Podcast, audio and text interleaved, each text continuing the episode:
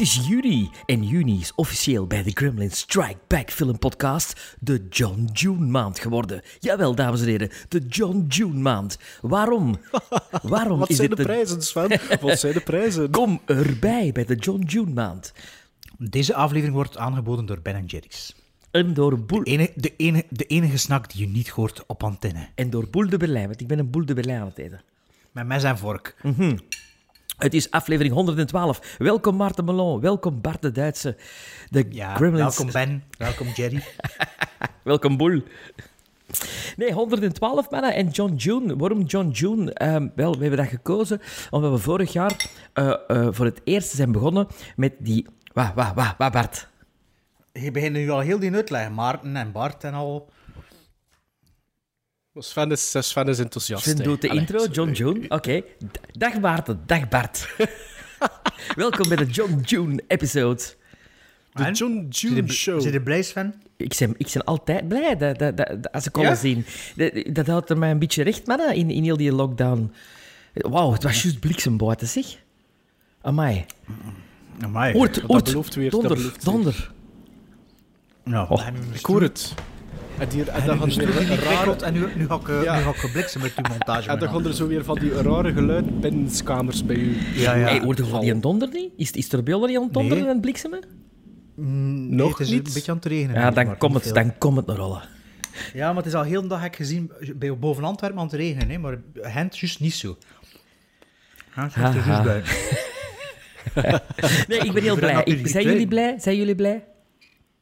Ik ben heel blij, maar ik ben niet wel aan het sukkelen met mijn Ben Jerry's. Het is een beetje lastig om te eten en te podcasten. Maar... Dus Maarten, Allee. Maarten, jij moest nog Ja, iets Sven? zeggen over de social media en toestanden. Ja, het is gewoon omdat jij er al vlug eens over durft te gaan, Sven. Ik denk dat dat zo'n evidentie eh, is bij iedereen. Ja, maar het is toch altijd wel interessant voor het gewoon vlug eventjes te herhalen dat je ons, ons kunt volgen op eh, Facebook, Letterboxd, Ah, ja. Instagram, Twitter en mailen kan naar grillmanstrikeback.gmail.com. Want we blijven nieuwe volgers krijgen, dus het moet Ah, ja. altijd wel nuttig zijn Dus om te en, herhalen. en reviews Absoluut. en ratings, want dat, dat laat ons stijgen in de podcast eh, ehm, dingen, hè? toch? Het helpt onze toch, ja. visibiliteit. Het helpt. Alles, En we, alles zitten ook, we zitten ook met een cult hit, hè, weet je het al? Nee? Onze pins, hè? Cult hits, hè? Ja, Dit, eh, ja, ja, de curve, de curve is aan het stijgen, hè. Het is precies... collector, eh, collectors items antwoorden. Nu, niet collectors item, maar de, de, de, de massa is wakker geschoten. Dus eh, ja, wie dat er moet wil, wie dit er nog een wilt, die zal zich binnenkort moeten beginnen haasten. Ik had nooit gedacht dat ik het zou kunnen zeggen. eh. Ik ben Binnenkort. blij- Ja, ik ben maar blij dat ik hem een, pa- een paar maanden geleden niet erg, ergens in een doos gestopt en ver weg tijdens de, de tussenwoningsverblijving.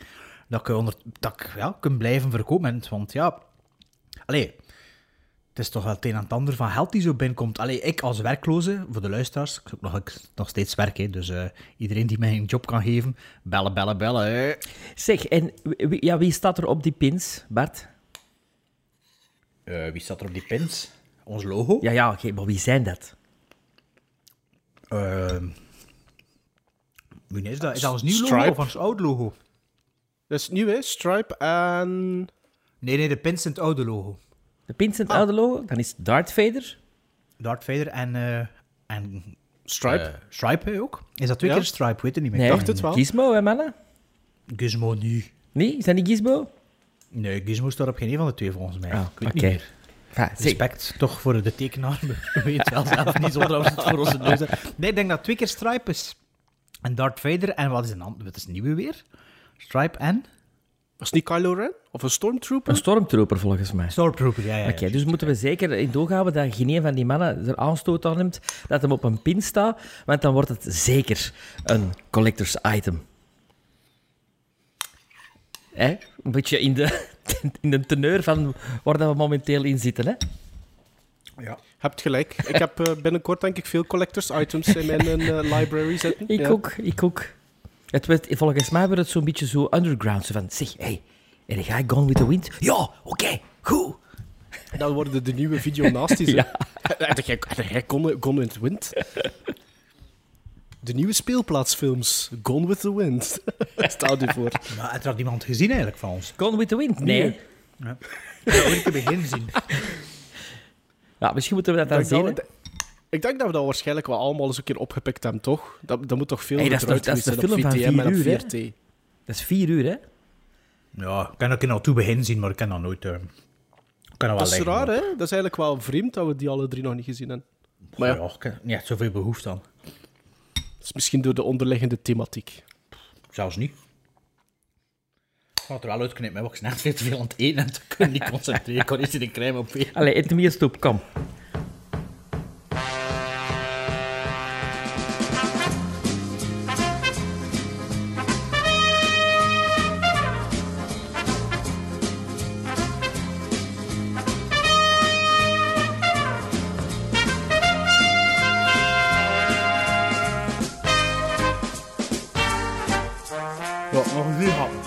Wat, hè?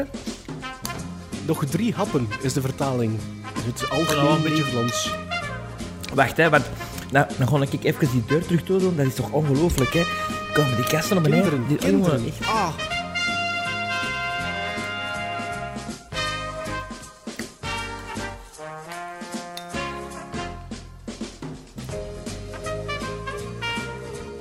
stop nog Ja. Dat is goed voor te weten.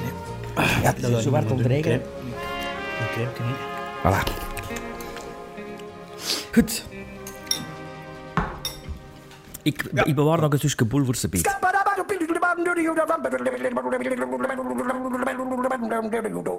I'm a scat man.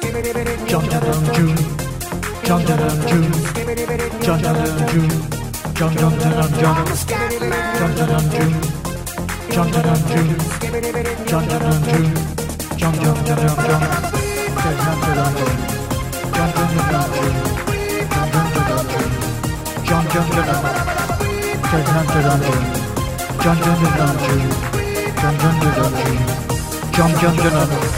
I guess you guys aren't ready for that yet.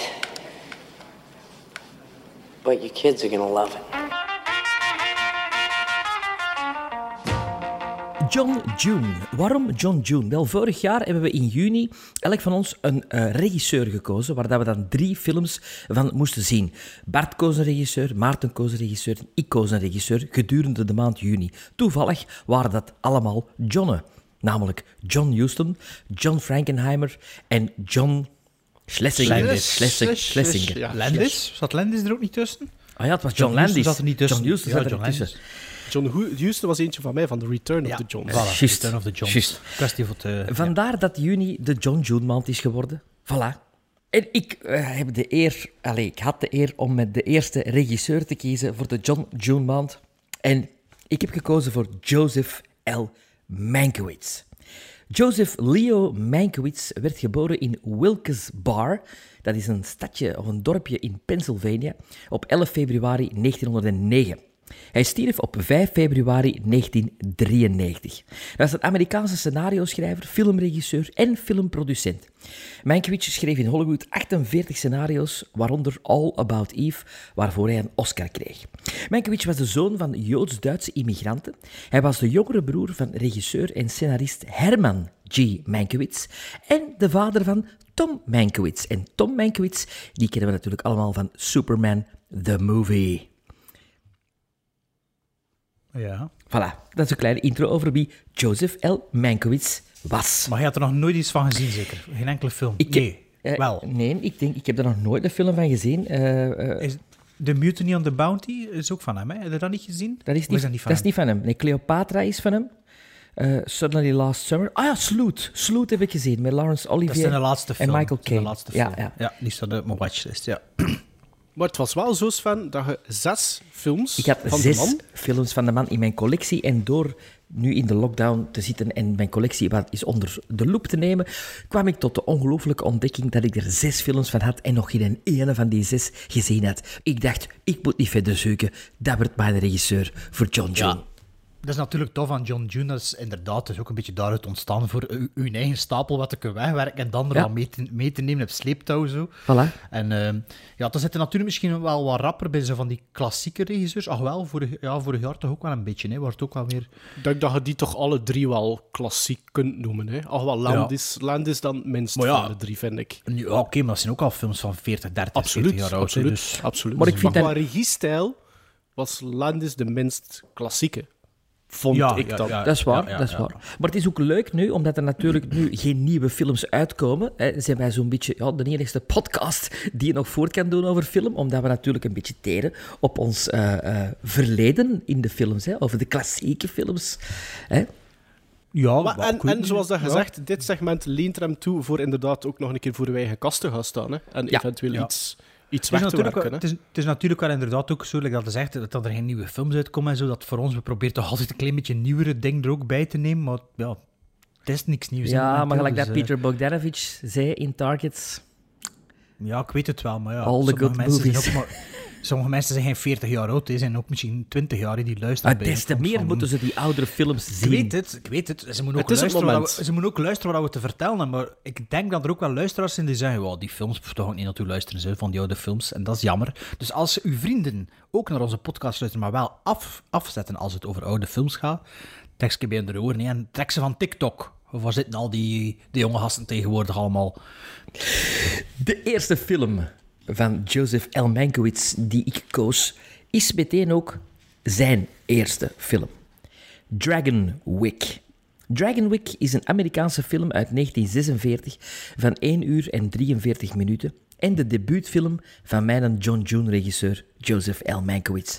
Het verhaal is gebaseerd op een boek van Anya Seton, een New Yorkse schrijfster van historische fictieverhalen, of zoals zij het eerder graag vernoemt, biographical novels. Ze nam steeds in haar werk de accurate tijdsgeest van die periode waarin het verhaal zich afspeelt als basis, om dan fictieve personages hun ding te laten doen.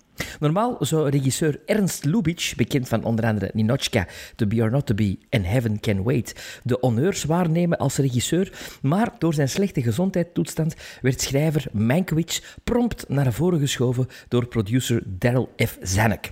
Lubitsch werd zelfs van de set verbannen van Dragon Week omdat hij nog te veel inspraak wou in het eindresultaat. En stond er uiteindelijk op om zijn naam van de generiek te zien verwijderd worden als producer. Daarom is Dragon Week een van de weinige films die geen producer credit heeft in de generiek. Hoofdrollen, hoofdrollen zijn er voor de ravissante Jean Tierney, de prinses van het witte doek van dat moment, na haar doorbraak in 44 in Lara en haar Oscar-nominatie in 45 voor Leave Her to Heaven. Haar vader wordt vertolkt door Walter Houston, de vader van John Huston en de fantastische echt niet herkend. fantastische acteur uit Treasure of the Sierra Madre. En de eigenaar van Dragonwick, van het kasteel, Nicholas van Rin, wordt gespeeld door Vincent Price. Ook Jessica, Driving Miss Daisy Tandy, speelt een opmerkelijke Beryl. En, nog een beetje, het was de vierde keer dat Tierney en Price samen speelden in een film. Ach En zo. Laura, hè? En Laura speelt niet ook, Ook, samen. ja. Juist. Ja, ja. juist. Hey, ik heb er nog eens werken dan, hè? Gaat dat goed? Maar ja, je, wordt erop gebrand, hè? hè? Het was John June, het was uw John June. Ja, het is Tira Knightley, of noemt ze dat? Nee, nee, Gene, Gene Tierney. Tierney. Ja, het was een, het was een double whammy niet eens voor mij. Ehm, Dragon Week was ehm, een first-time viewing voor mij. Ehm, en begon direct heel goed. En het valt mij op dat wat ik heel leuk vond aan de film, dat Sven dat eigenlijk al direct in zijn eh, intro heeft gezegd, dat ik direct voelde van in die eerste tien minuten dat dat heel authentiek en correct in de context van de historie aanvoelde.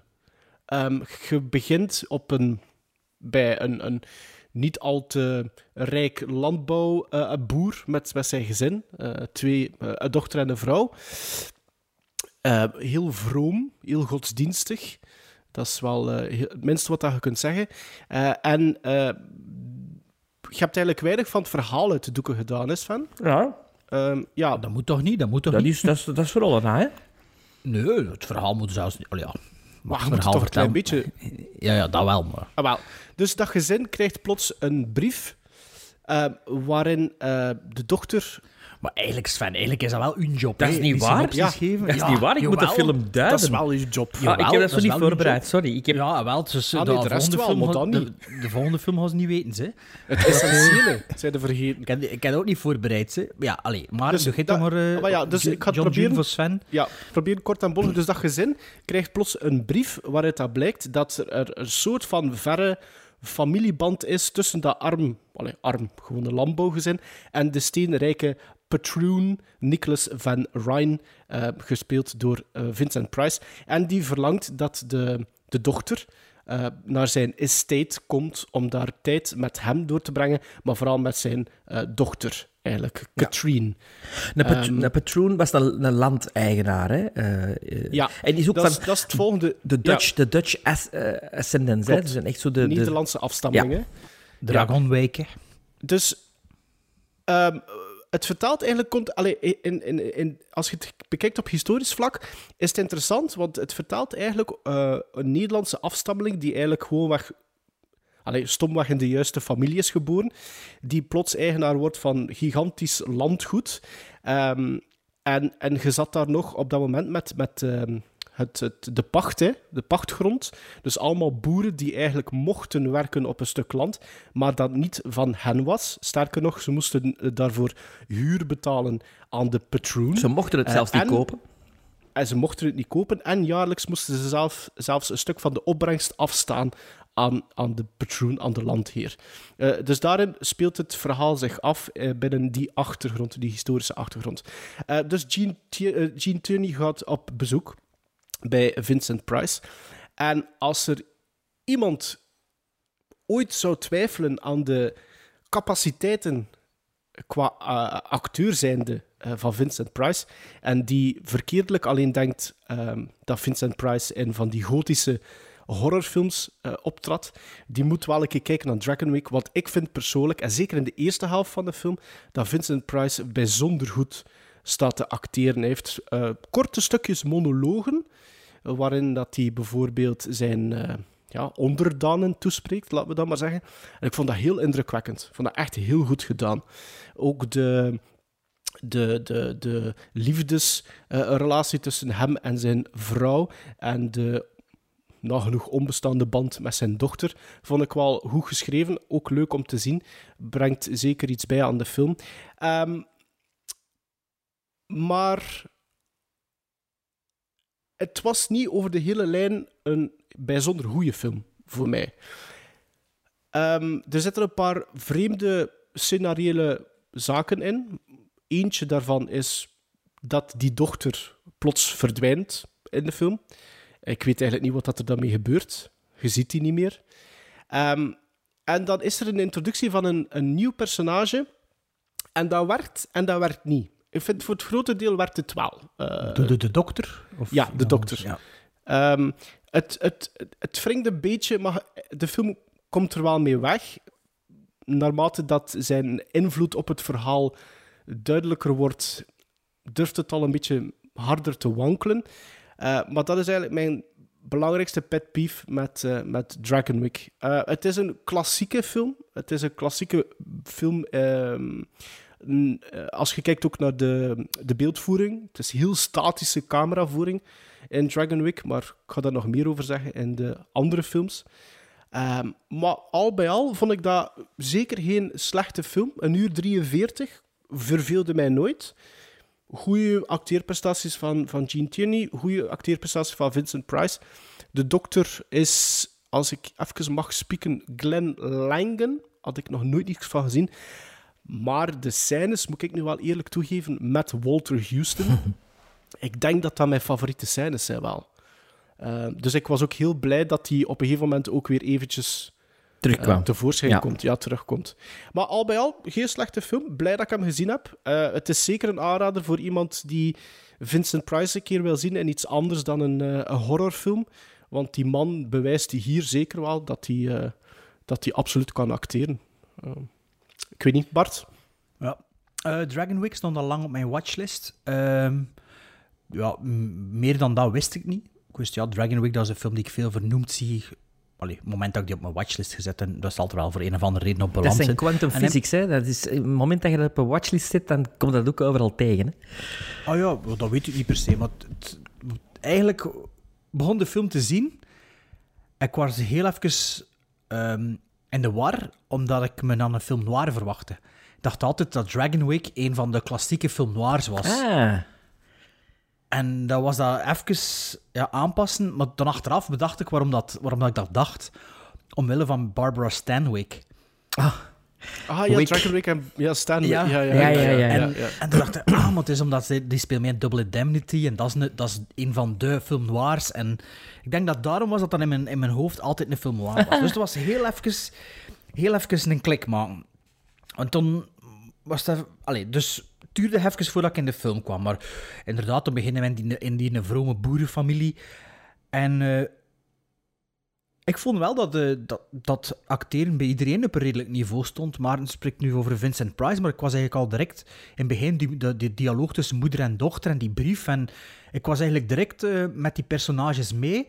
Ook al is die, dat tijdsperk niet echt mijn, mijn primaire interesse. En ja, doordat ik even uit mijn lood geslagen was, moest ik wel even aanpassen natuurlijk.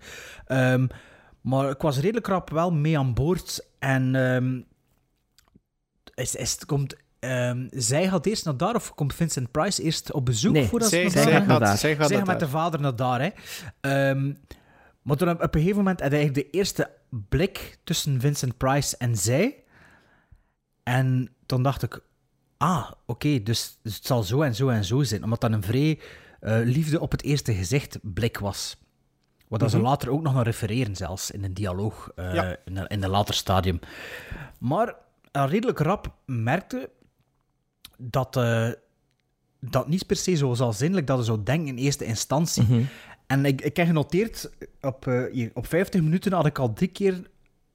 Oh, allee, 15 minuten ver in de film was de film al drie keer van genre veranderd voor In mij. mijn richting, ja.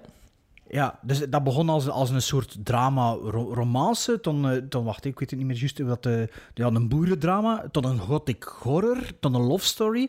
Dus dat switchte heel de tijd door dat spel tussen en de dynamiek en de, de, de, de spanning tussen de personages.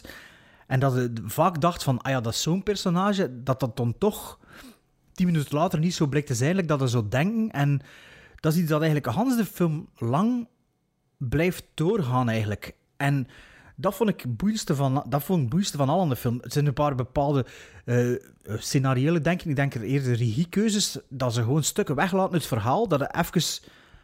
Allee, er is een zwangerschap, maar plots is die een kleine kleinender, zonder dat je iets van die zwangerschap weet of ziet. Er gaat een huwelijk zijn, plots is er een huwelijk geweest. Dat zie je allemaal niet.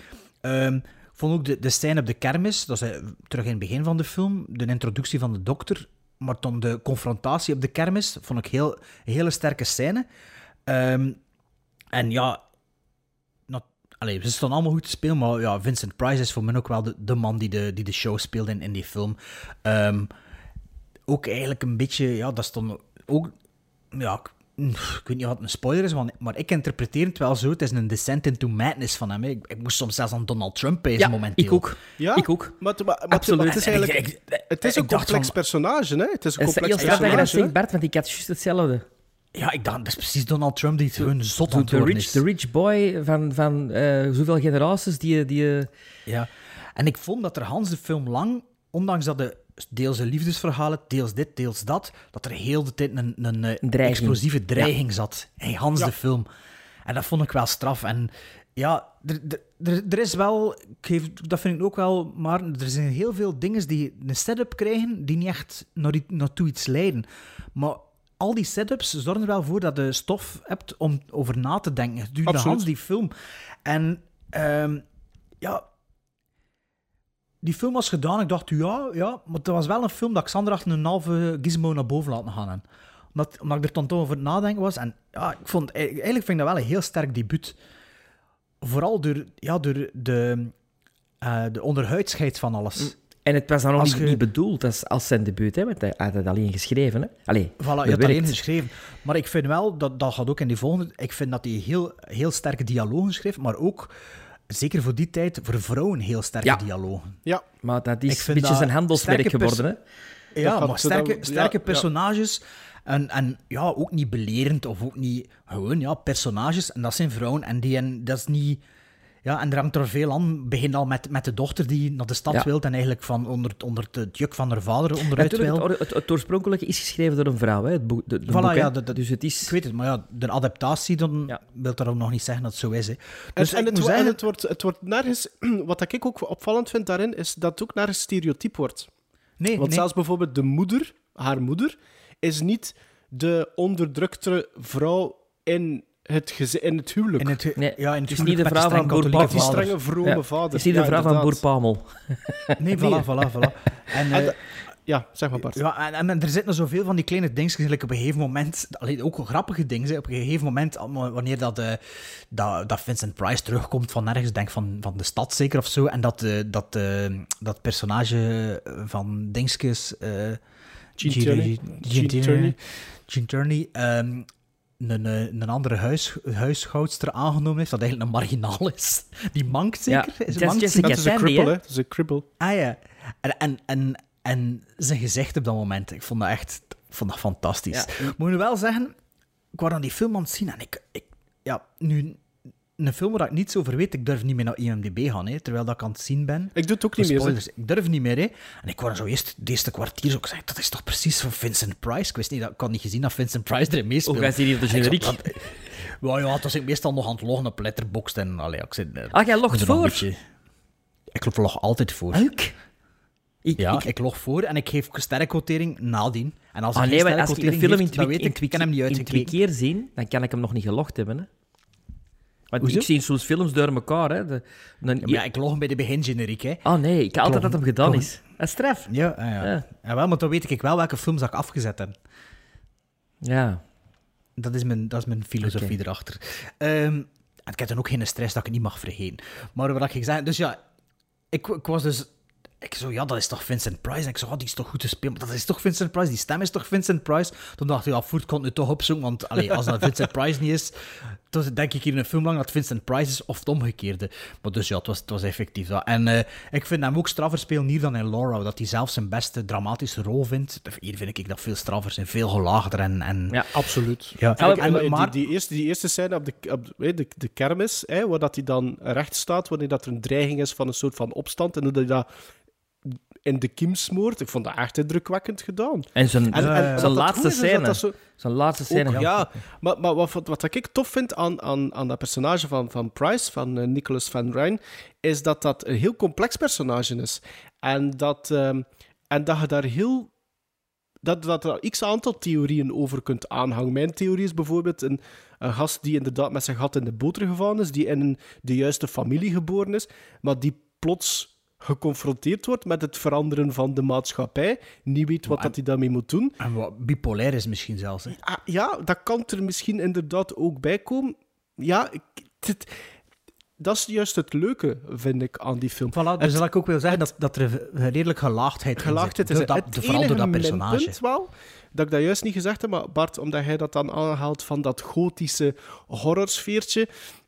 Er wordt inderdaad een, een soort van plot geïntroduceerd over een soort van paranormaal iets. We gaan daar niet verder over. Dat werkte wel niet echt voor mij. Ik vond dat dan net te weinig of te weinig uitgewerkt. Net zoals dat er andere dingen waren die niet zo goed uitgewerkt werden. Maar dat vond ik dan niet, ehm, niet over een dergelijk gewicht beschikken dat dat echt wel werkte. En dat, komt, dat wordt geïntroduceerd en dan zijn er twee key moments waar dat, dat effectief ook gebruikt wordt.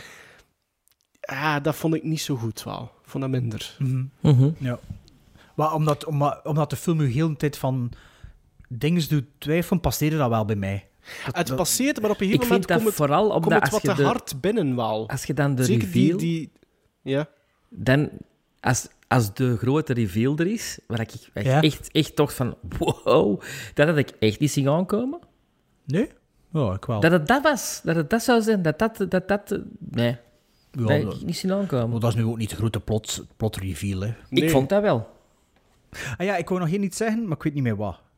Eh, Misschien komt er ja, op zijn beet. niet meer. Ah ja, ja, ja, nee, nee, maar hij zei dat dat vrij statisch gedraaid is en zo, maar ik vind van belichting vind ik het wel meer Nee, dan, ik heb het dan, dan echt puur, ik heb het echt puur enkel over de, de cameravoering. Eh, Ja, ja, oké, oké. En, en, maar ik zeg het, ik ga er nog op terugkomen in de andere films. Later, Ja. later. Ik, heb, eh, ja. ik heb Dragon Week eh, in een prachtige Indicator-versie eh, van Powerhouse Films. En ehm, ik wist ook daar niks van. Enkel dat mijn grote vlam Gene Tierney top billing daarin heeft. eh, en dus erin meespeelde. Dat is de reden ook waarom dat ik het besteld heb. Ehm, het leuke er is aan deze eh, Blu-ray is dat je kunt switchen tussen de 4K-restauratie en tussen de, eh, de originele opgekuste eh, versie. Dus je kunt Live, allee, ja, je kunt echt switchen, je kunt echt switchen in de scène. in, de- ja. in de scène. Dus dan zie je echt zo naar het perfect digitaal beeld en dan kun je switchen naar hoe dat het...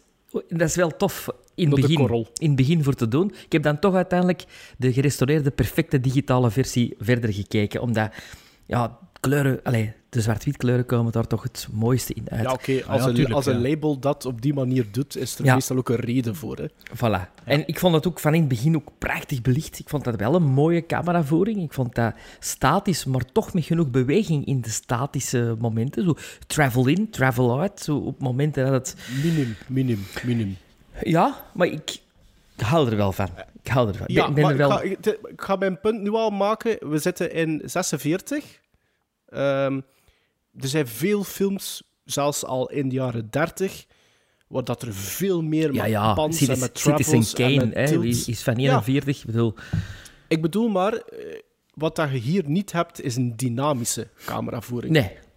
Maar Dus Maar dat is niet nodig voor, voor mij ook niet, omdat Nee. dat in die tijd afspeelt. ik zeg niet dat dat, ik zeg niet dat, dat nodig is. Maar het valt op, het valt viel op. mij wel op. Ja, ja. maar je merkt er wel op, ja. Nu, Gene Tierney, ja, die, die, ja, die spat van het scherm. Ik vind dat een onwaarschijnlijke knappe vrouw, een goede actrice. Die, die, ja, ik heb er echt een boon voor. En dat is met deze film nog versterkt. Uh, dus ik vind die, vond die heel goed spelen van in het begin. En het is een film met Gene Tierney in top billing. Second billing is Walter Houston. Waarschijnlijk omdat dat een grotere naam was dan Vincent Price. Maar gaandeweg in de film wordt het echt de film van Vincent Price. Krijg je echt een keerpunt dat je denkt van, wow, oké, het is eigenlijk Vincent Price die het topbilling had moeten hebben, maar misschien nog niet zo bekend was op die moment. En wat een prestatie zet die hier neer. Dat is ongelooflijk. Ik heb daar een beetje research daarna gaan doen. Op- om zich voor te bereiden op de rol, eh, had hem een gedicht van Edgar Allan Poe gelezen. Eh, en dat gedicht wou hem in zijn personage steken. Dat was een, een gedicht over, over dualiteit binnen een persoon en, en niet weten... Ah, bipolair. Ja. Voilà. En het straffen is, op een gegeven moment in het eh, oorspronkelijke verhaal, waarom heeft hem Edgar Allan Poe gebruikt? Omdat in het verhaal gaat hem op een gegeven moment eh, het personage van Gene Tierney ook voorstellen op een van de feesten aan Edgar Allan Poe. Alle. Ja, want historisch gezien was Edgar Allan Poe ook een die bij de Hudson, de rijkere... eh, Long Island, Ja. eh, Staten Island. eh, Ja. ja. nu, die Ja, want nog niet gezegd, want de film speelt zich af in 1844 of zoiets. Hè? ja, 100 jaar, 100, juist 18, 100 jaar 1844. voordat hem gedraaid is. ja. De scène is eruit geknipt uit de film. want Ze is effectief wel gefilmd. Maar voor hem was dat een, een, een, een teken ook van... Ja, ik heb de juiste keuze gemaakt met, met, met, met, dat- met, met die, dat gedicht als voorbereiding te nemen. En dit is de film geweest ook, voor Vincent Price, waardoor dat hem de switch heeft gemaakt en zich heeft gaan toespitsen op eh, ja, de films waar het hem dan zo bekend mee geworden is. Hè? De, de, de gothic eh, horrors. Dit is echt zo het keerpunt geweest in zijn carrière. Ja, ja. En daarvoor had Aan de hem... kant jammer, vind ik. Maar ja, Jammer, maar hij heeft er zelf heel veel voldoening van gehad. Want ook, ja, ja, ja, de man is altijd heel is tevreden over zijn carrière geweest. Maar ik vind het gewoon... Als je, als je, we zijn het er nu alle drie unaniem over eens, hè, dat die man heel goed speelt Ja. in, eh, in Dragon Week. ik zeggen, Het is dan zo jammer, want, want Vincent Price wordt natuurlijk alleen maar in, in dat hokje... Allee, hokje... Maar alle verder, je moet er eens gedaan op letten, dat alle dingen die hem daarna heeft gedaan, zijn eigenlijk allemaal variaties op die Van Rijn. Wow. Zo ver zou ik niet gaan, Toch, toch veel, hè? Ah, Dat zou ik niet durven zeggen, nee. nee. Het, beetje uitvergroten zelfs van het personage van Van Rijn. eh. Be- bepaalde facetten van hem. Ik, denk, ik, zie, ik herken bepaalde facetten van hem wel in eh, The Mask of the Red Death of in The Witchfinder General, dat ik nu onlangs gezien heb.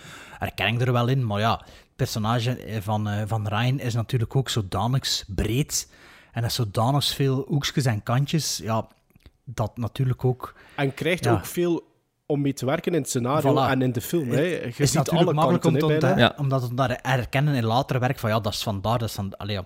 Misschien was hij toch niet zo, zo veelzijdig als we zouden denken en puttert hij altijd hetzelfde potje, maar ik denk het niet, hè, maar... Ik vind Allee, ook dat de, dat de film een, een enorm, hetgeen dat Bart ook zei, van, van genre switcht eh, gedurende de film. Maar het heeft ook alles van, van een gothic horror movie. Want je hebt ook zo de opstandige, de opstandige menigte, de, de opstandige, eh, de- gelijk in Pitchforks, Frankenstein. Pitchfork, hè. ja. Eh, maar het heeft ook allemaal wel een, een maatschappelijke eh, eh, eh, Ja, eh, die, die, dat je zelf zou kunnen zeggen, misschien in die periode ook nog actueel was, maar zelfs nu ook nog actueel kan zijn, hè, van de, de- tegen, tegen de monarchie of tegen tuurlijk. de... Ja, echt, hè, ja. Dus dat vond ik... Het is, in- het, is, het is het thema van, van, de, van het seizoen. Ja. Want elke oude film is ah, precies toch actueel Ja, dan straf, is. Ik weet niet wat er aan de hand is, maar ik herken het ook Ja. in, in bijna alles dat we zien. Ja, ik vind het ook. Ik vond het een hele eh, eh, leuke ontdekking, mooie ontdekking. eh, ja, en een, een, een waardige klassieker, echt. Dragon Week. Oké. Zal ik beginnen met mijn gizmos? Mhm. Ik, eh, ik heb die nog gezegd, ik heb die nog half naar boven laten gaan. Zondags op de fiets was ik over de film aan het nadenken. En dacht ik, ja, eh, had ik nog wat meer inzicht gekregen erin. Of toch wat ik denk dat er allemaal gebeurde voor mijn ogen. En die is dan het, eh, geëindigd op 7 op 10. Alleen 7 gizmos. Voor mij is dat net dezelfde score. Een mooie 7 op 10. Voor mij is dat 7,5. Net geen sale. Ah, ja, maar we zitten toch op dezelfde lijn. Ja. Bedankt Sven voor deze eerste John June alvast al. Hè. Graag gedaan. The millions who read the book club selection Dragonwick know the powerful emotional impact of its many exciting moments. For as the Ladies' Home Journal so daringly promised when it first published Dragonwick, this is a story to thrill the hearts of those who loved Rebecca. Starring Jean Tierney as the woman who seeks love where it is feared to flourish, this unusual, impassioned romantic drama now comes to the screen with its fascinating plot and its magnetic characters brought vividly to life by a splendid cast, including Walter Houston, Vincent Price, Glenn Langan, Anne Revere, Spring Byington, and other outstanding artists. We gaan een beetje chronologisch eh, bij Joseph L. Mankiewicz. Want voor zijn tweede film gaan we gewoon een... eh Oh, ik heb het jaartal niet opgeschreven. Eh, 47. 47. Ah, gewoon, ja, dus ik wou zeggen, gewoon een jaartje verder. 47, effectief. The Ghost and Mrs. Muir. Het is een romantische Amerikaanse film en was voor Mankiewicz de opvolger van Dragon Week. De film duurt 1 uur 44 minuten, een minuutje langer dus, en is gebaseerd op alweer een boek geschreven door een vrouw, Josephine Leslie, onder het mannelijke pseudoniem R.A. Dick. What's in the name? R.A. Dick. Dus eh, alleen een, alleen U ontbreekt nog. You are a dick. Het, Are you a dick? het verhaal speelt zich af rond de eeuwwisseling. We zien opnieuw de bloedmooie Jean Tierney in de rol van de weduwe Mrs. Muir. Rex Harrison, of de sexy Rexy, bekend uit My Fair Lady... Sexy Rexy. Effectief, dat is een bijnaam. Ja. Dat is een bijnaam. Het ook gelezen. Bekend uit My Fair Lady en Dr. Dolittle als Captain Greg en George Sanders, bekend als de original The Saint en later bekend als Shere Khan, stem in Jungle Book, en Mr. Freeze in de Batman-reeks, maar ook als verdachte speelfiguur in A Shot in the Dark, de tweede Pink Panther-film. En ook een piepjonge Natalie Wood maakt haar opwachting in The Ghost and Mrs. Muir. The Ghost and Mrs. Muir. Ja, Sven, ik kan nu juist ja, heel de synopsis terug in mijn hoofd gestoken, dat dat mijn job plots geworden was. Maar kijk, ik ben blij dat het nu toch eh, zelf gedaan hebt. Maar, Ehm, maar Sven heeft eigenlijk niks gezegd. Hij heeft gewoon gezegd dat, dat Jean Tierney een jonge weduwe is. Het is al... dus, ah, ja, ja, ja, ja. Ik had er zelf de rest al bij. Dus ja, ik moet het toch nog doen. Shit, ik ken het niet, ik ken het niet. Eh, ja, ik zal dan beginnen maar met de synopsis te doen over The Ghost and Mrs. Ik wil Muir, dat ook wel doen, we- zijn mannetjes. Ja, wel, doe dat maar. Allee, ja, pak kaft. pak ja. het- Lees uw kaft. Maar lees hem eerst stilte, in stilte, want als zo een is die alles verklapt, hè, Wacht, like, eh, Zelfs een licht. like de Shadow, Shadow Builder, Bram Stoker Shadow Builder, van achter de Heel doos. die de film, Hans de- heel die Hans de de film film van A tot Z, ja. Allee.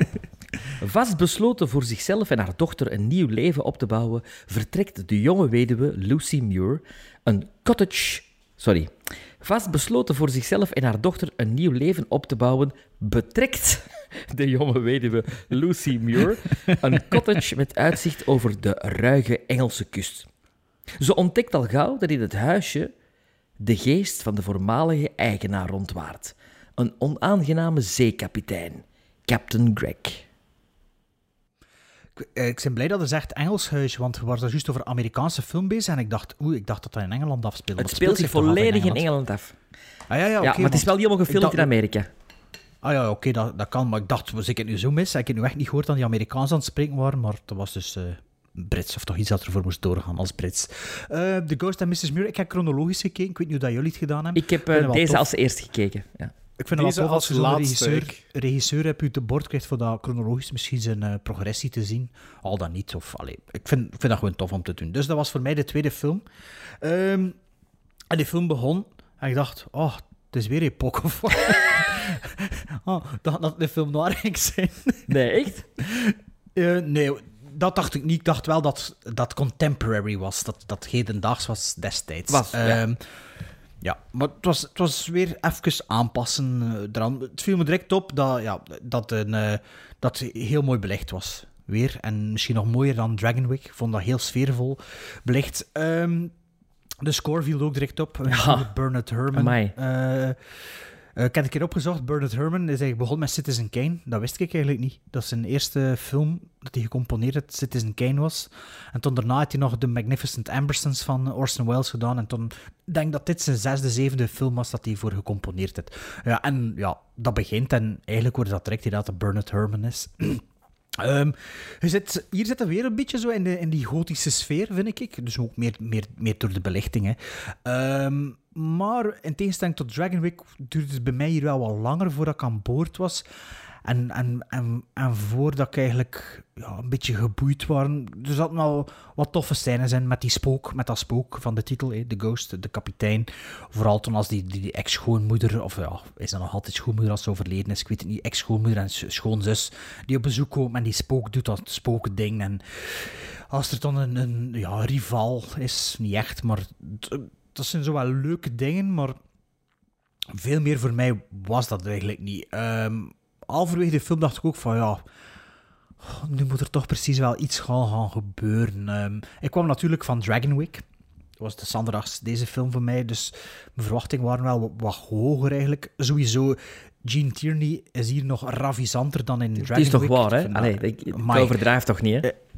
Het is, het is als je ziet, ja, dus de star quality spat van het scherm, hè, dat is een, dat is een, ja, een, een, eh, noem ze Jennifer Lawrence van haar tijd, hè, of, een, of een, een Scarlett Johansson, of een, ja, wat is het nog, echt een, ja, een filmster. Hè. Dus, eh, allee, ik vind het raar dat ik die eigenlijk niet kende totdat hij er zo zot van wordt. Want allee, ze speelt wel veel in mee, veel films van die tijd, maar zo was me nog niet opgevallen. Ehm, op een gegeven moment in The Ghost and Mrs. Muir is er ook een sprong voorwaarts. Redelijk laat in de films. Vond ik ook heel raar. Twee of drie, hè? Nee, twee. twee. Of twee of drie, ja. Dat wordt zo'n beetje door, die, door dat Nat- Natalie Wood-personage, die, die inkerving, die Anna Mirror, Mirror op die hoofdbreker zo, wordt zo wat gesymboliseerd. En er is weer, weer is er ook veel subcontext, vind ik. Maar ja, ik vond het allemaal net niet. Allee, ik vond eigenlijk Hans de film zo aan... Ik kan er niet zoveel over te vertellen. Allemaal zo'n net niet gevoel en zo... Vond zo, kan zo'n beetje het gevoel dat het een beetje Dragon Week opnieuw was in, in een andere setting. Maar ook weer een goede dialoog tussen de vrouwen en zo. Ze weer ook een beetje dat, maar ja, thema zo niet veel. En ja, Vincent Price zat er ook niet in. Ik vond die kapitein ook wel, ik vond die ook wel een beetje datzelfde charisma hebben als Vincent Price in Dragon Week, of dezelfde eh, aanwezigheid hebben. Maar ja, met dat, met dat boek en, en, en, en zo, dat komen allemaal like, niet echt zo boeien. En ja, ik vond The Ghost en Mrs. Muir, dacht ik toch van, ah, jammer, want ik kan eigenlijk verwachten dat de regisseur een stapje hoger heen gaan in zijn volgende film. Is het een tweede film of staat er nog één Het tussen? is een tweede film. Het is een tweede film. Ehm, een paar leuke scènes, maar al bij al gebeurt er voor mij niet, te- niet veel of niet genoeg. En toch niet voor ja, Hansdag verhaal daarop rond te bouwen. Dus ja, een beetje... wow. Maar toch bedankt Sven voor die film te geven. Ik had er ook nog Ehm, niet van, van gehoord, ze, trouwens, voordat hij... Allee, twee paar de- afleveringen terug. The Ghost of Mr. Met Chicken. Mr. Chicken, Ghost of Mr. Mr. Chicken, Chicken, ja. maar voor de, voor de rest had ik ook nog nooit van die film gehoord. Redelijk bekend, redelijk bekende eh, film. Hè? Bekender ja, dan Dragon. Week in elk geval.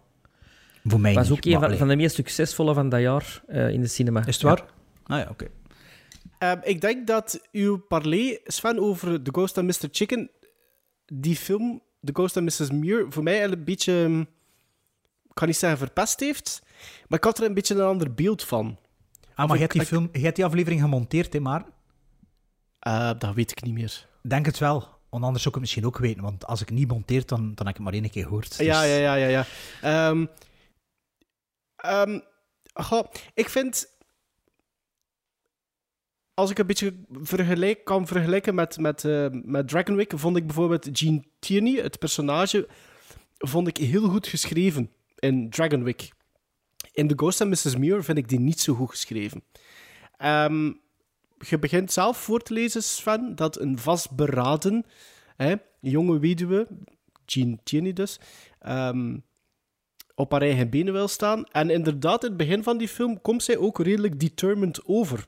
Als je kijkt wat dat er gebeurt met haar, eh, eh, inderdaad, ex-schoolmoeder, laten we dat maar zeggen, ehm, vond ik dat best wel goed. En eigenlijk alles tot op punt van de eerste ontmoeting met de kapitein, vind ik dat die een soortgelijke toon blijft aanslaan.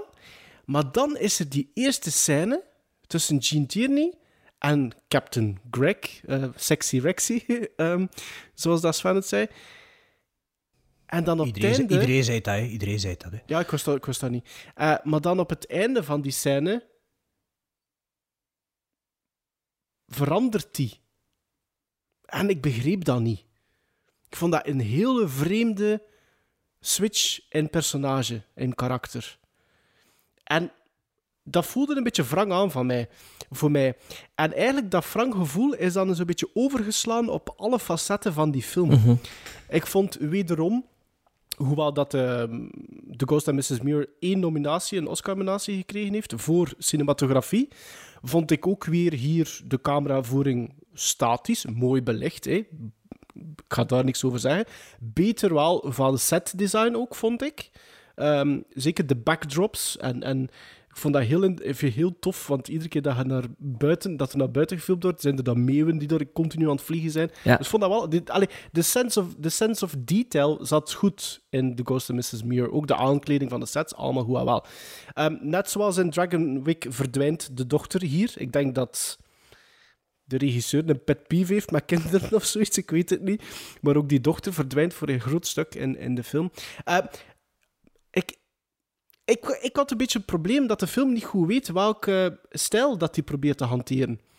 Ehm, want met dat soort premissen kun je eigenlijk redelijk wat kanten uit. Er wordt niet echt overgeschakeld op comedy.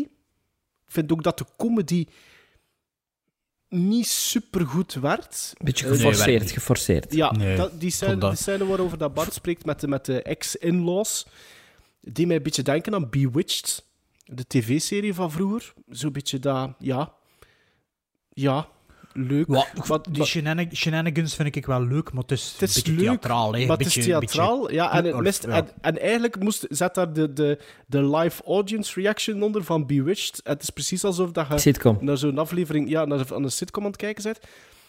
Maar er zit, er zit zo weinig in die film, vind ik. Het, het, het, het is niet, de comedy zit er niet echt in. Het drama komt er ook niet echt, vond ik, echt uit de verf. Ehm, ik, was wel, ik was wel fan van die tijdsprongen die gebeuren naarmate van het einde van de film. Dat vond ik wel goed gedaan. Vond dat ook mooi gedaan, die overva- overgang iedere keer. Maar ja, ik denk dat mijn grootste pet peeve met de film is dat hij, dat gewoon niet weet welke toon dat hij met momenten wil aanslaan. En als hij dan probeert, is er geen echte follow-through Mhm. eh, daar, daarmee. Ehm, maar dat gezegd zijnde, zat ik met een quotering in mijn hoofd en ik heb er wel nog een halve bij gekwakt, omdat het einde, dat ik eigenlijk wel perfect voelde aankomen, emotioneel werkte en ik had dat niet verwacht. Dus Oh, dat, pakte mij mij, dat pakte mij wel. Ja, ik had dat ook. Ehm, dat gepaard wel, heel belangrijk aspect ook wel, zoals dat Bart juist zei, die score van Bernard Herrmann vind ik wel heel mooi. Ik vond dat echt heel goed passen bij die, bij die film. Ehm, en het is zeker een asset voor The Ghost of Mrs. Muir. Dus ik heb een beetje hetzelfde gevoel van Bart. Ik had ook gehoopt dat het een beetje beter zou zijn eigenlijk. Of dat het de man in stijgende lijn zou, zou gaan. Maar deze vond ik een beetje... Ah, ik vond het een beetje... Zwakjes. Zwakjes, ja, zwakjes. Waar ik vooral met The Ghost en Mrs. Muir dacht van te zien, dat is de eerste die ik zag van de drie, dat was eh, A Ghost Story. Dus ik, ik was echt ready for a Ghost Story. Ik zei, ja, oké, Gene Tierney en A Ghost Story. Dat ik die ook als eerste heb gezien, omdat ik Dragon Week eh on de kaft te zien en on het lettertype, dacht ik van, oké, dat, gaat, dat gaat ook zoiets ghostly zijn. Dus ik wil eerst het dan maar dat een titel The Ghost al in vertelt. Dus The Ghost Story. Maar blijkt dat dat in het begin een, ja, een romantische film blijkt te zijn. Nu, Gene Tierney en romantiek, dat ça va nog, dat vind ik, allee, meer moet dat niet zijn soms. Maar dan komt die geforceerde comedy van Rex Harrison, eh, die zo het, de plaaggeest speelt. De, de- en er is een film, Kiss Me Goodbye, met James Caan en Jeff Bridges en Sally Field, eh, die ongeveer hetzelfde thema heeft. En die dan wel grappig is. En, en- en deze is niet echt grappig. En weet inderdaad, zoals dat Maarten ook zei, niet goed wat dat nou wil zijn. Wil het nu een romantische film zijn? Wil het nou een ghost story zijn? Wil het een, een feministische film? Is het wel, want het gaat over een vrouw die... die eh, Mo- Jawel, die haar mannetje wil staan in de, in de schrijverswereld. Eh, waarschijnlijk ook zoals de... Oeh, nee, dat, daar gaat het te ver Ik in, vind, ik Nee, vind het ook niet nee. feministisch, omdat... Allee, degene die het geschreven heeft- die vent nodig. Ja, maar degene- Het zijn een ghost... Zeg, ze heeft een ghostwriter. Ja, maar degene die het geschreven heeft, heeft ook een pseudoniem van een man, omdat ze waarschijnlijk haar boeken als vrouw niet aan de man zou kunnen brengen. Dus ik zie die... Maar dat vind, Ja. ik, nee, dat, nee, dat vind ik eigenlijk niet, want allee, het, het, het verhaal zelf ontkracht ook volledig die stelling toch dat je nu inneemt. Voilà, voilà. Dat vind ik ook wel. Ja, wat dat er gebeurt in de film ontkrachtigt volledig wat dat je nu gezegd hebt. Ja, ik vind... Nee, niet helemaal. Ik vind, wat dat wel, dat, dat vind ik, en dat vind ik eigenlijk wel jammer, want het eerste luikje, pak die eerste 15, 20 minuten, Is het wel snap ik dat wel, wat dat gezegd. En dan wordt dat niet gedaan door alles wat dat er volgt. Ja. Ja. Het spijt me, Sven. Ja, ik, heb- ik heb het anders gezien. Maar George Sanders vind ik wel heel leuk spelen. Eh, ik, ik vind dat hij zelfs eh, leuker speelt dan Rex Harrison. Ehm, de scène met het, Sexy Rexy. met het zakdoekje en onder een trein. En het zakdoekje dat dan terug onder een boom wordt gehangen. En dat zij haar eigen zakdoekje terugvindt. Ik vond dat wel wel romantisch. Eh, en dan de reveal met deze personage. Dat had ik totaal niet zien aankomen. Eh, nee, wat dat, nee, nee, dat, van, ja, nee, dat klopt. Bart weet al niet was meer over wat gaat. Nee. Ah ja, ja, ja. Maar ik, ik, ik, ik heb zoveel, zoveel jaren 40 films gezien de laatste week. Ik, weet, ik ben ze echt allemaal door elkaar te slaan. Behalve die dat we hier nog voor gezien. Ik ben ze elke dag minstens één gezien heb. Dus het is echt. Ik zal ze allemaal door elkaar Ik vond dat wel, dat vond ik eigenlijk in heel de film zo de strafste wending scenario die ik niet had zien aankomen. En eh, goed gevonden. En Niet alleen dat, niet alleen dat, maar hetgeen dat de introductie van de andere vrouw op dat moment tegen ja, haar zegt. Ja. Want dat had perfect ook niet geschreven. Allee, die, dat stukje Ja, ja, ja. dialoog had er niet aan toegevoegd moeten worden. Hè. Maar dat, dat zinnetje, wel veel, hè? dat, zinnetje Ja, ja, ja. Is, was, was, dat kwam wel bij mij binnen. ja en dat thema zeggen. een beetje denken aan eh, ehm, de- eh, Hold Back the Dawn. eh, op het moment met de ring. Zo die scène. De, Ja. Zo Ja. dat je denkt, Ja. wow, my. Die twee vrouwen Een tegen smack in ja. face, hè. Ja, ja, dus dat vond ik sterk. En de muziek is waanzin, vind Ja. ik. Ik heb al zoeken geweest naar de score, maar ze is nooit door Bernard Herrmann zelf opgenomen, maar wel door Elmer Bernstein. Die heeft de score van Bernard Herrmann op plaat gezet in de jaren 70. Want het is blijkbaar geen score te vinden origineel van Herrmann. Ehm, en het einde heeft mij ook ontroerd. Ik vond het eindbeeld... Ja, en ik had het niet verwacht. Ik ook niet. Ik zag het niet aankomen. En vooral dat ze dan nog eens terugkijkt. Eh, dat vond ik, zonder te veel te vertellen, maar dat vond ik echt ja, mooi maar moment. had je dat niet verwacht? Ik had het gehoopt, maar ik, ik Ja, had het niet verwacht dat, ja. ze, het- dat ze het effectief zouden Dat doen. zo lang ging duren misschien ook nog. Ja, ja, ja. Snap ik wel. Ja. Ja. Dus ja, eh, niet geen Dragon Week. Ehm, blij dat ik hem gezien heb voor mijn Gene Tierney eh, Ik eh, ook, ik ook, ik ook. Fetish en verzameling. Het Maar valt op dat we voor de twee eerste films dat we nu besproken, dat we wel voelen dat we allemaal zo op dezelfde lijn zitten. Hè? Ja. Eh, Mhm, dus dat gaat weer spiegelen, denk ik, in onze gizmos. Ik zal ik misschien eerst beginnen. Ja. Ik zat aan een 6 dus. En ik heb er toch nog een halvetje bij gedaan, puur voor... Omdat ik vond dat dat einde toch werkte. Dus er waren bepaalde facetten van de film die toch wel bij mij zijn binnengekomen, want anders werkt dat einde niet voor mij. Dus Ja. ik klok, op, klok af, af liever op 6,5. Voor mij is dat een 6. En dat is ook niet voor naar boven of beneden gaan. Dat was een 6 en dat is een 6 gebleven. voor mij is dat een 7.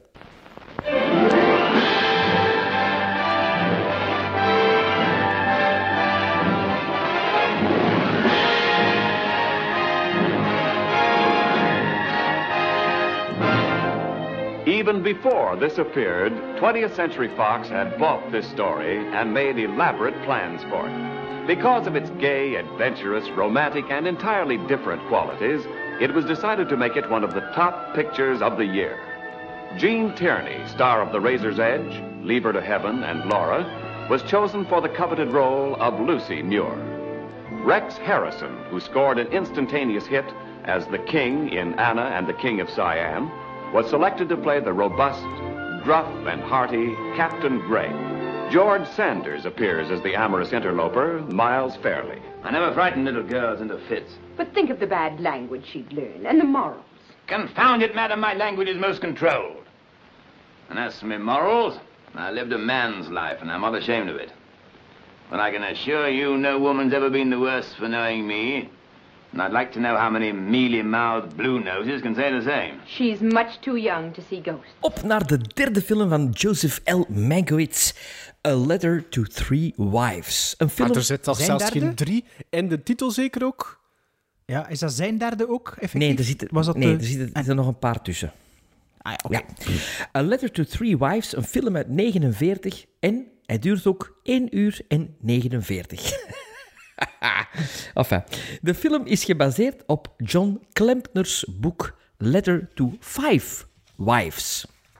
Maar vijf waren er te veel. En de film zou eigenlijk A Letter to Four Wives heten. Mankiewicz vertelde aan Daryl F. Zanuck dat hij het nog te lang vond. En Zanuck stelde toen voor één vrouw te verwijderen uit de film. Anne Baxter zou de vierde vrouw spelen, maar die ging dus niet door. Omdat Zanuck vond dat de bijdrage van Baxters personage niet sterk genoeg was vergeleken met de andere drie. De film werd voor drie categorieën genomineerd bij de Oscars in 1950. Mankiewicz won de Oscar voor beste regisseur, kreeg ook de Oscar voor beste scenario en daarbij werd de film ook nog eens genomineerd, maar niet verzilverd voor beste film. Eh, de drie vrouwen worden vertolkt door de voor mij onbekende Jane Crane, de voor mij onbekende Linda Darnell en de voor mij onbekende Anne Southern. Er is ook nog een vierde vrouw die je hoort, en die wordt vertolkt door mij wel bekende actrice Celeste Holm. De mannen kende ik ook niet. De enigste bekende Toch die er tussen toch loopt. iets- wel iemand ja, ja. ervan. Een verrassing, want ik wist het niet, stond ook niet op de kaft. Is Kirk Douglas. Mhm. En de andere twee zijn? Of heb je het niet genoteerd? De andere twee heb ik niet genoteerd. Maar ik kan Paul, dat... Ja. Paul Douglas Oh, en, ten broer. en Jeffrey Lynn, denk ik. Ja. Ja, maar, Jeffrey maar, Lynn. maar, maar de synopsis er al bij genomen, maar je gaat toch niet doen. Nee, wat is ze? Is ze? Hella, hola, hola. Ah, ja. Drie vrouwen staan op het punt om in te schepen op een boot. Wanneer een boodschapper hen een brief overhandigt. Gericht aan hen alle drie. De brief is van de hand van Addie.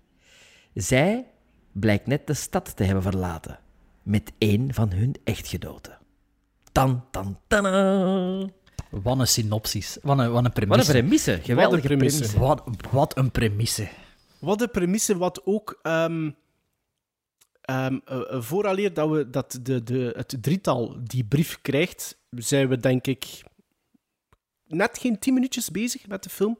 Maar ook al wat in de eerste tien minuten zijn dat. Waar dat dan al bij alle drie van de mogelijke eh, huishoudens een onregelmatigheid optreedt.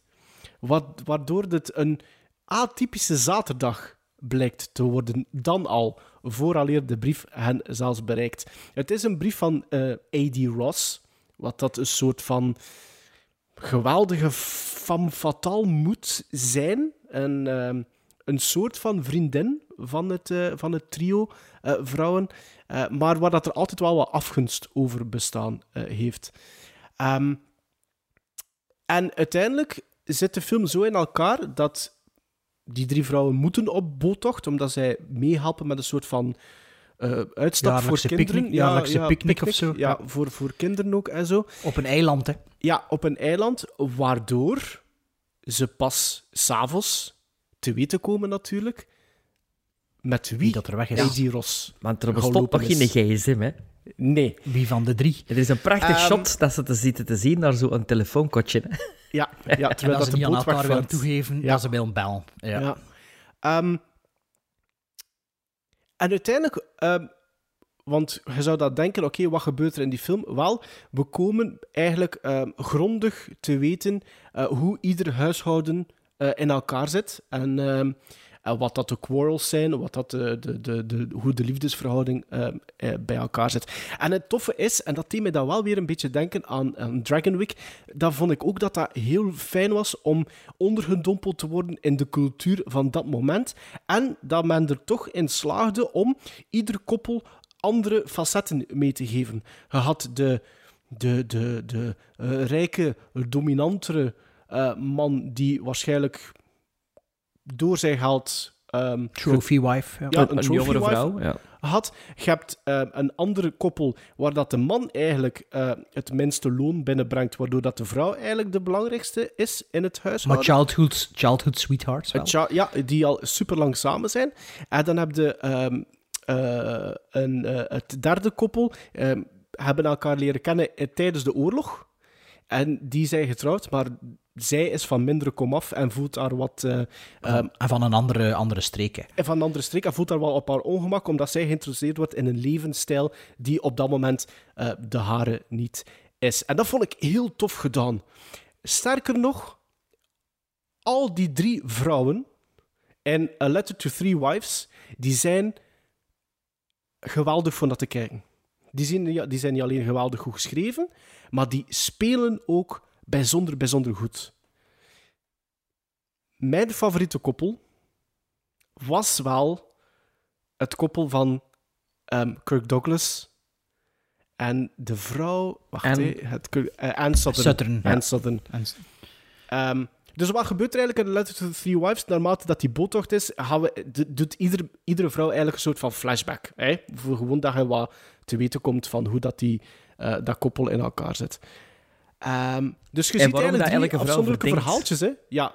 En Ja. Waarom, dat, de, de- waarom dat er twijfel zou bestaan dat het misschien ehm, haar man is die er vandoor is met die A.D. Ross. Ehm, en ja, je ziet dus eigenlijk drie verhaaltjes vooraleer dat de ontknoping is. Hè.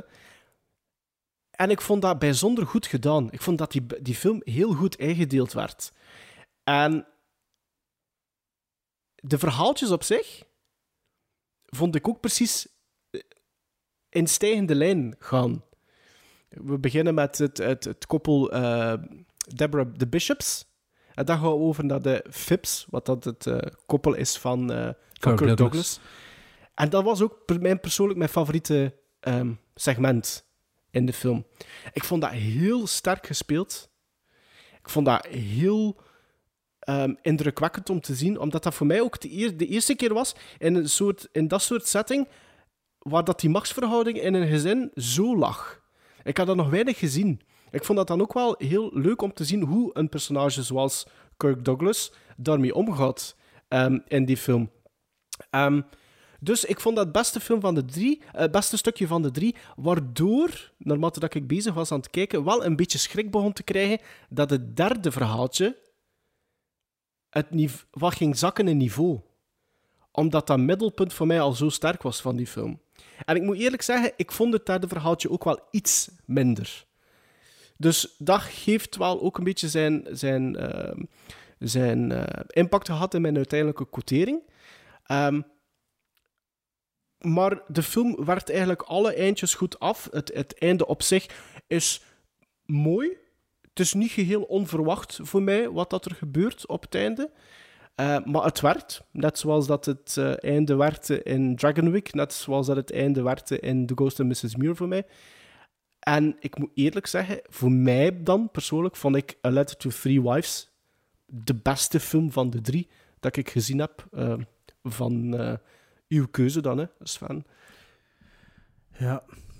A Letter to Three Wives. Ehm, de derde film dat ik gezien heb, wist er ook niks van. Ik had er ook nog nooit van gehoord, van de titel. Van de titel. Ik zag op eh, IMDb romance, drama. Ik had ervoor de Ghost and Mrs. Muir gezien. dacht, oh...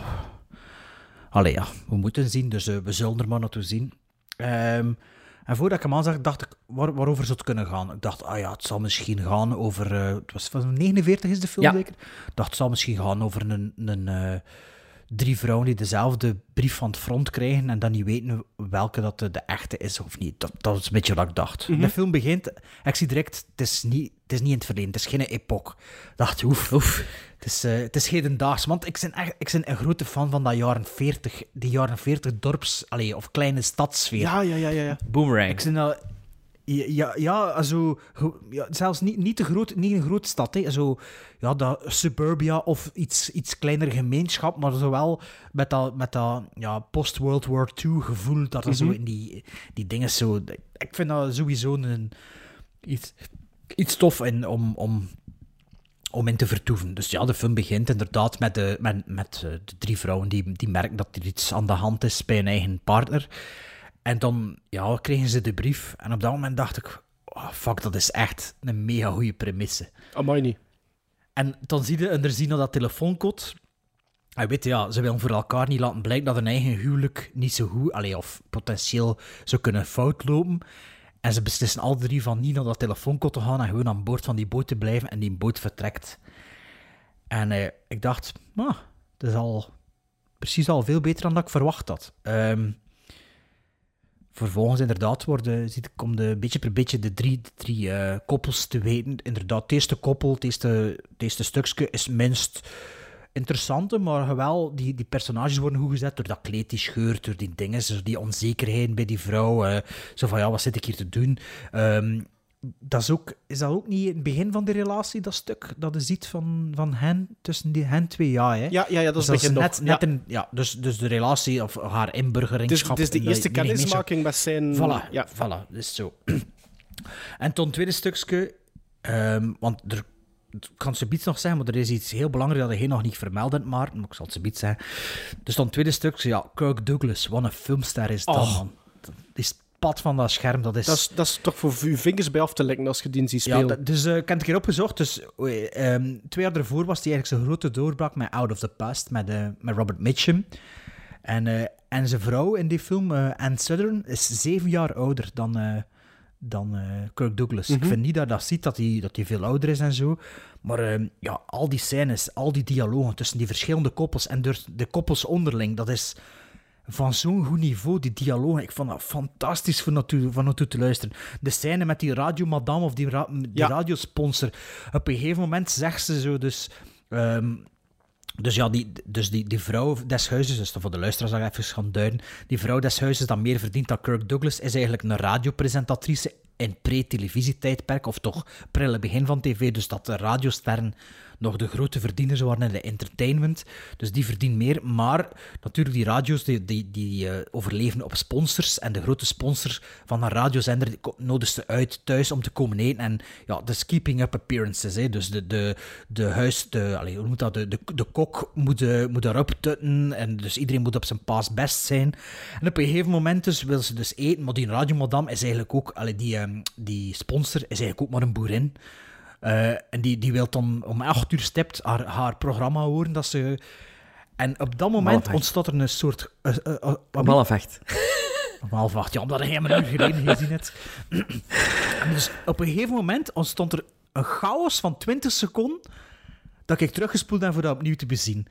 Dus die dikke vrouw zegt van, ja, ik wil dat luisteren, en die staat recht. En rondom begint er van alles te gebeuren, van al die mensen, voor, de, voor, dat, voor die schijnoog te doen. En ze van, oei, wat gebeurt hier? En de soep is klaar, of het hoofdgerecht is klaar. Maar ja, ze wil nu naar dat programma luisteren, en we gaan nu in de zetel moeten eten. En dat is een super, super klein moment. Maar dat was een, een kleine explosie op mijn scherm. Er gebeurde van echt van alles. En ik vond dat zo fascinerend voor, voor, voor te zien gebeuren ook. Ik vind ook de dialogen tussen de koppels, bij alle drie, in grotere of mindere mate, maar ik vind ze allemaal herkenbaar. Ik, allee, voor mij persoonlijk is dat zo, ja, dat zijn van die dingen, dat, dat, ja, dan een koppel. Maar het is wel een film van 75 jaar geleden, of 70 jaar geleden. En Ja. ik vond dat... Ik vond dat... Ja... Dat, dat, dat werkte mega goed voor mij. Ehm, derde verhaal dan is dus over de, de, de rijkere man met zijn, met zijn, met zijn winkels en de, de jongere vrouw. En daarom, daar wordt het dan nog echt duidelijk dat het eigenlijk een super humoristische film is.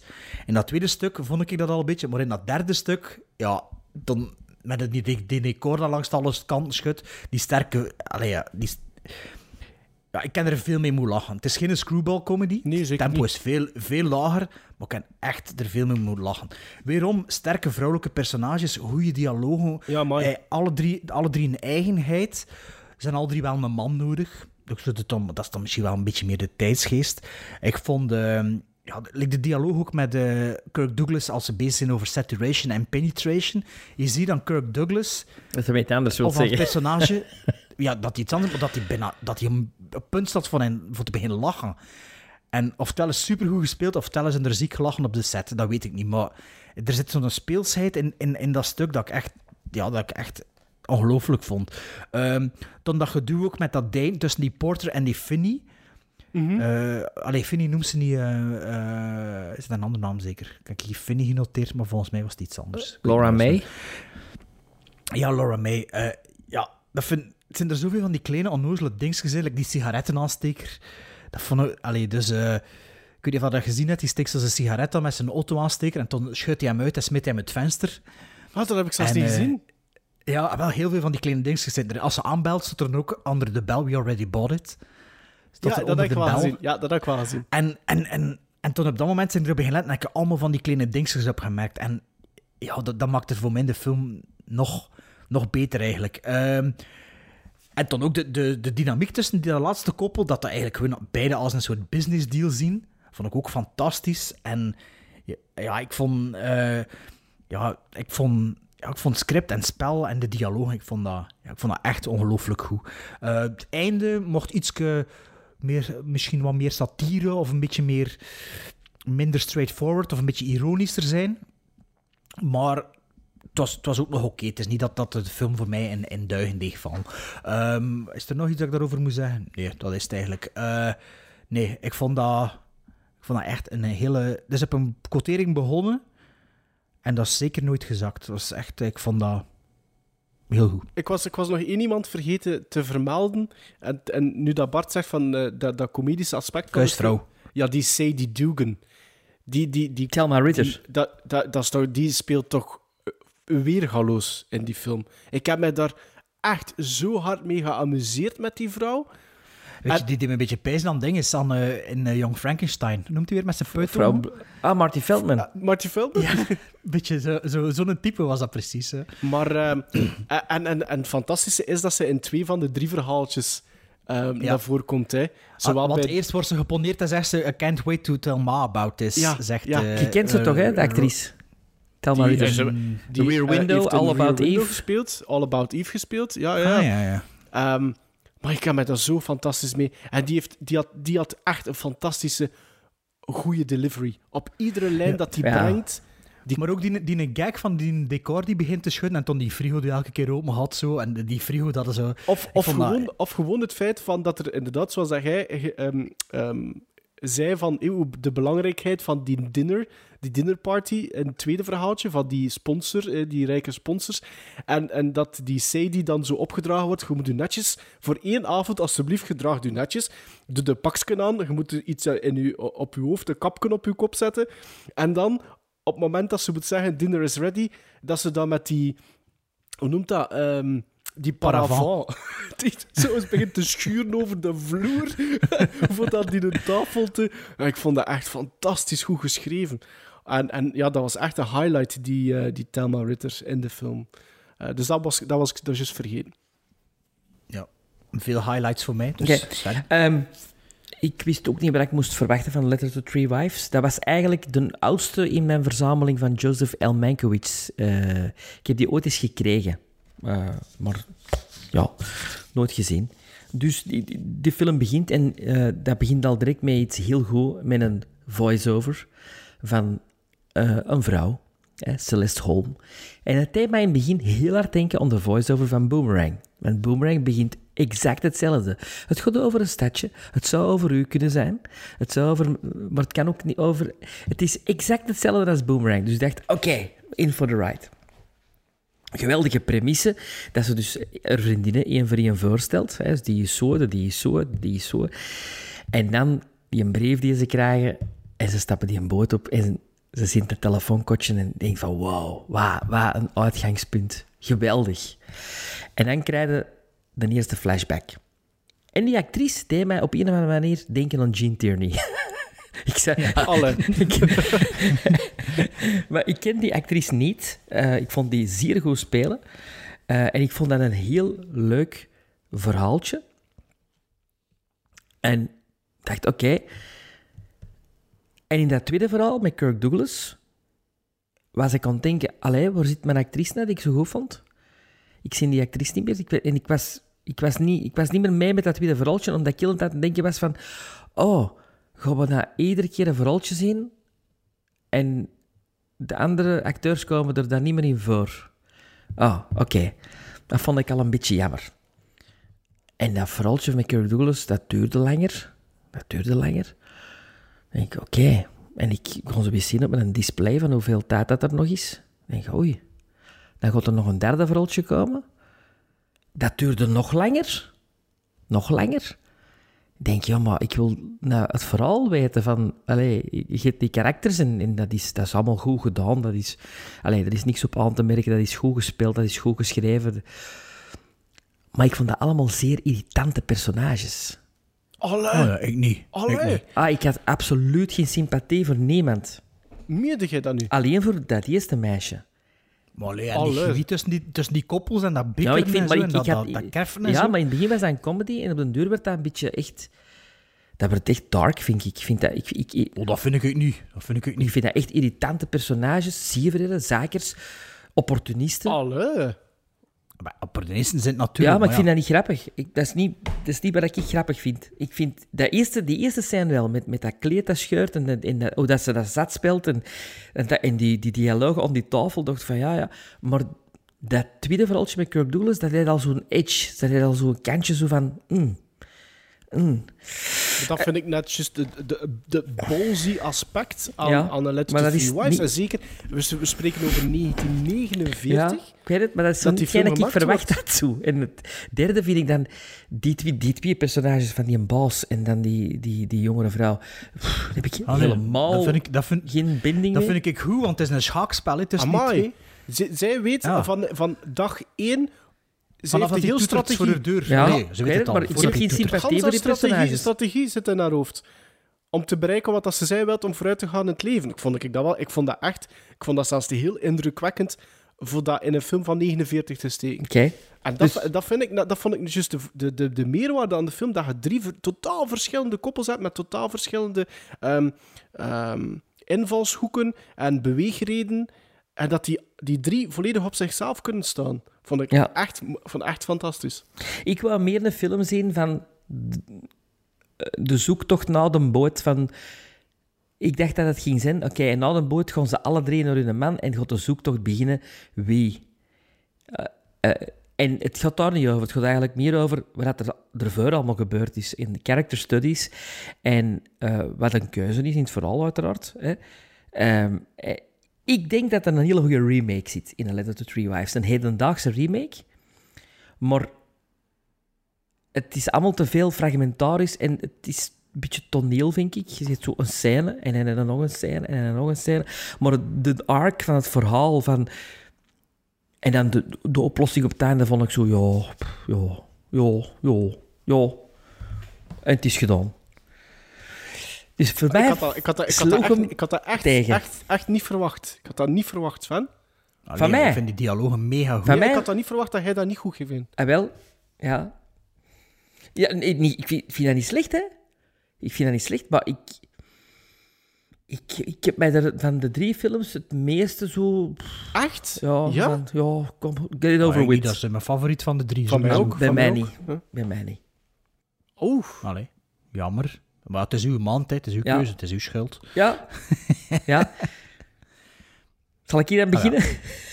Nu zal ik beginnen. Hè. Ik geef dat acht gizmos. Ik geef dat acht gizmos. Oké, dat is 6,5. Ja, jongens, Sven, ja, hey, dwarsligger. Hé, hey, Maart, Maart, nee, dit Sven is een Dat is altijd dezelfde. Ja, altijd hetzelfde. Nee, ik vond dat echt supergoed. Ik, Ik, ik, dat echt... ik denk, en ik denk zelfs dat, dat dat kan zijn dat er nog een halve bij komt als ik die nog een keer zie.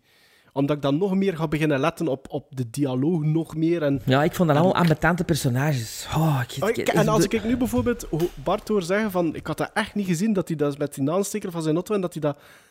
Allee, zo, Maar het zijn veel van die dingen, Ah, wel, net daarom Ja. denk ik dat er nog een klein beetje rek op zit zelfs. Nee, bij, bij mij was dat, dat begon en, en ik dacht, oh yes, yes, yes. En vooral omdat die, die andere twee net niet... Allee, Dragon Week wel meer dan, eh, dan The Ghost and Mrs. Muir, maar hier word ik wel volledig mee aan boord. Trouwens, Mm, je voelt ook dat... je voelt ook dat die film een, een- een paar jaar later gemaakt is dan als we dan beginnen met Dragon Week. Want cinematografisch vond ik dat goed in elkaar zitten. Maar bijvoorbeeld eh, de manier... Er worden overgangen. verschillende Ja. manier... Ja, dat is Dat is drie goed. keer op Dat een andere manier gedaan. Hè? Dat is goed. maar wel elke keer met die Eiffel 65 stem, hè. Niet de eerste, de tweede wel. De, de- het zit, het zit duidelijkst in Met de die tweede. blue, Ja. blue, dat, dat, Alleen twee en drie. Het zit, twee, het zit duidelijkst Ah, in de één, tweede. nee, Nee, het één eerste niet. Ah, dat, Het eerste ah, niet. oké. Eh, maar dat wou ik toch wel even... Dat was, dat- allee, het is daarover nagedacht en montage en zo. Dat vond ik wel eh, eh, ook goed. Tjie toch, Ja, Sven? ik vond dat... Ja. Ja, Sven, het was lekker. En eh, ik had die nog genoteerd. eh, eh, welke films wilde nog zien van hem nu? Of, eh, ik, ik ken gezien dat er op mijn watchlist staat. Ik zal kijken het voortouw nemen. Dus Ja. op mijn watchlist, geen een van die drie... ah ja, Dragon Week stond op mijn watchlist, maar wat er nu nog op stond, allee, dat was al aangevinkt, is No Way Out, Sleuth, Sleuth en Suddenly Last Summer. Ah ja, en The Quiet American. Die heb ik ook nog niet gezien. Oké. Eh, Maar dat er bij mij, dat- welke ik nog heb van hem zijn Suddenly Last Summer, All About Eve en ja, die heb ik gezien. The Barefoot Contessa. Dus die heb ik nog. eh, met Humphrey Bogart. Maar wat ik zeker nog wil zien is No Way Out. Omdat ik denk dat dat een, de, dat de remake met Kevin Costner is van, van de deze. Van No Way Out. Eh, All About Eve wil ik nog zien. En Five Fingers, daar hoor ik niks aan school van met James Mason. Dat schijnt echt... Ah, ja. Dat is nu op dingen ook op, denk Eureka of... of Dingen is ook op Eureka, hè. Eh, Letters to Three Wives is ook op Eureka. A letter to three wives. And what a letter! Right after John Kempner's story in Cosmopolitan magazine spread its great wave of mirth, 20th Century Fox bought it for filming. And here are the three wives as they appear in this superb screen entertainment. There's the wave who became a wife. There's the gold digger. And there's the career woman. Finally, there's the girl who wrote the letter, Addie Ross. Addie, just what did you put in that letter? Oh, a number of things. But the important thing is in the last sentence. You see, girls, I've run off with one of your husbands. Well, if that's her idea of a joke, she's she's extremely poor Why taste, I up with must say. character? I'll tear. I had my choice of any one of their husbands. Deborah's young and worldly husband. Well, I've got to pick up Rita. You'll phone about tonight, won't you? I told you I would. It just so happens that the dress I bought that you picked out of Vogue that some woman happened to leave on the train is exactly the dress that Addie Ross wore to the concert two weeks ago. Rita's charming helpmate. With all this work. You're overtired. You do too much. What do you suggest I stop doing? This moronic radio trash with which I pay most of your bills? Now, calm down. And what do I go back to? Washing, scrubbing, ironing, and a life of taste and discrimination? I'm fed up with Addie Ross. Laura May's rich and forceful provider. You know how I feel about you. How? I'm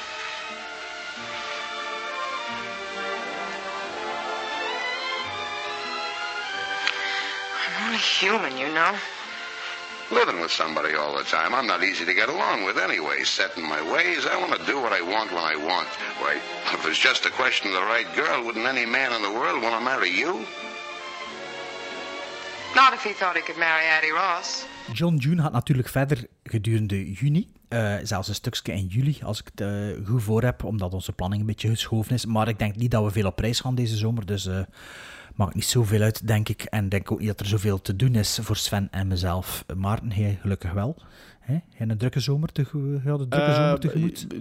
Ja, tot en met eind juli zit het vol. En ik denk dat augustus ook zal volgen, ja. Nou, dat is goed voor u, hè. Ehm, dus eh, John June, en deze keer is het aan mij om eh, drie films op te leggen. Ik had al lang een naam in gedachten. Ja, dat ik heel curieus, hè, maat. Echt waar. En daarna was ik aan het twijfelen met een andere naam. En toen een paar weken geleden kwam ik iets te weten. En ik dacht, ja, nee, dat, dat kan niet. Dat kan gewoon niet. Dat, dat kan niet. Dat, dat moet verandering, verandering in brengen. Ehm, ik deed een kleine rondvraag. Het was een toevallige rondvraag. En wat bleek, mijn twee co-hosts zijn amper films gezien van mijn favoriete regisseur aller tijden, Billy Wilder. Dus ik denk, ja, fuck Dat kan deze. niet, hè. hè. Dat kan niet. Dat kan, dat kan niet, hè. Dus we gaan gewoon drie Billy Wilder films bekijken tegen de volgende aflevering. Sorry, beste luisteraars, weer oude films.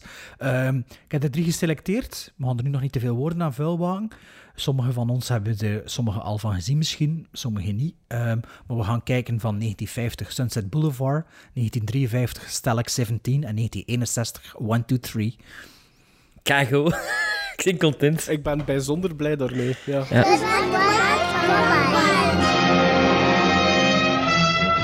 I'd like to move in on her right now, tonight. Look at all the angles. You know when, you know how far you can reach. more I know of love, the less I You know, a dame with a rod is like a guy with a knitting needle. What's he doing here? Here's your drink, lady. The more I give to He love, said, here's your drink, lady. the more I owe. Thank you very much. Go away or I'll kill you myself. It's not always easy to know what to do. Baby, I don't care.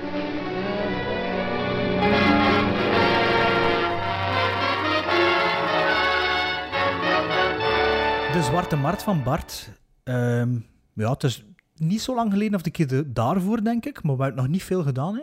Wat, Maarten? Is het wel lang geleden? Nee, nee, het is tussen, tussen, ik denk dat het nog maar de derde keer is dat je het gaat doen. Dus tussen 2 en 3 zit er veel minder tijd dan tussen 1 en 2. Ja. En wat was de vorige keer? Weet er nog iemand? Nee. Ah, jawel, jawel, jawel, jawel. on the Run was de eerste en de tweede. De tweede was die in Poolse, toch? Ah, met die, eh, die Joan, Joan Joan- dinges. ja. eh, eh, Mother of the Die non? Angels. Ja, ja, voilà. Die nonnenfilm. Nu, nu eh, voor deze Zwarte Markt van Bart zijn we teruggegaan naar echt naar de...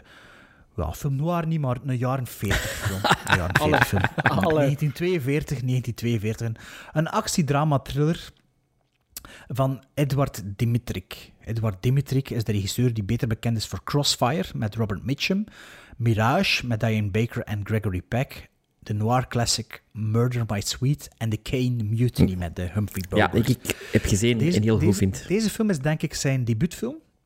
Eh, en de film heet Seven Miles from Alcatraz. Heb je dat iemand al gezien? Nee. Of van gehoord? Nee. nee. Nee. Ik zal even gewoon de film beginnen vertellen. Ik ga niet aflezen. Alcatraz, 1942. Twee gasten zitten in de gevang. Ehm, ze hebben een job in de gevangenis. Ze horen af en toe sirenes voor air raids. En ook in de gevangenis moeten ze zich gaan klaarmaken voor bombardementen van de Japanners. Ehm, Dat vind ik al goed, dat heb ik nog nooit niet gezien. er gebeurt niet veel. Maar wat blijkt er? Dus de twee hoofdpersonages gespeeld door... Het zijn niet geen bekende mensen die erin meespelen. James Craig en Bonita... Nee, Bonita Granville is een vrouw. Frank Jenks, denk ik, eh spelen de hoofdrol. Eh, James Craig en Frank Jenks. Nooit van gehoord. Eh, de personages, zijn naam weet ik niet van buiten. Maar die twee dat zijn buddies in de gevangenis. Ze zitten ook op de koer, allee, of noemt dat, de speelplaats, eh, ook met de gezet de, de, de, ont, de ontwikkeling in de wereld te bespreken, de, de, de aanvallen Pearl Harbor, de, de dreiging eh, en ook raadseltjes op te lossen. De ene is vrij goed in raadseltjes. Eh, en het werk valt stil in de gevangenis, want de staal is nodig voor de oorlog. Dus de gevangenen en niet veel meer om handen en ze vervelen zich. En die twee ontsnappen. Ze springen in het water, ze kunnen ontsnappen. En ze belanden op een eiland met een vuurtoren. Ze komen daar binnen en eh, er zijn er drie, vier mannen daar. En eh, ze, ze overvallen de boel een beetje. Van, ja, eh, ze hadden al gehoord via de radio dat er twee ontsnapt zijn. En eh, dus ja, die beginnen er daar een beetje te installeren met een, met een of ander plan.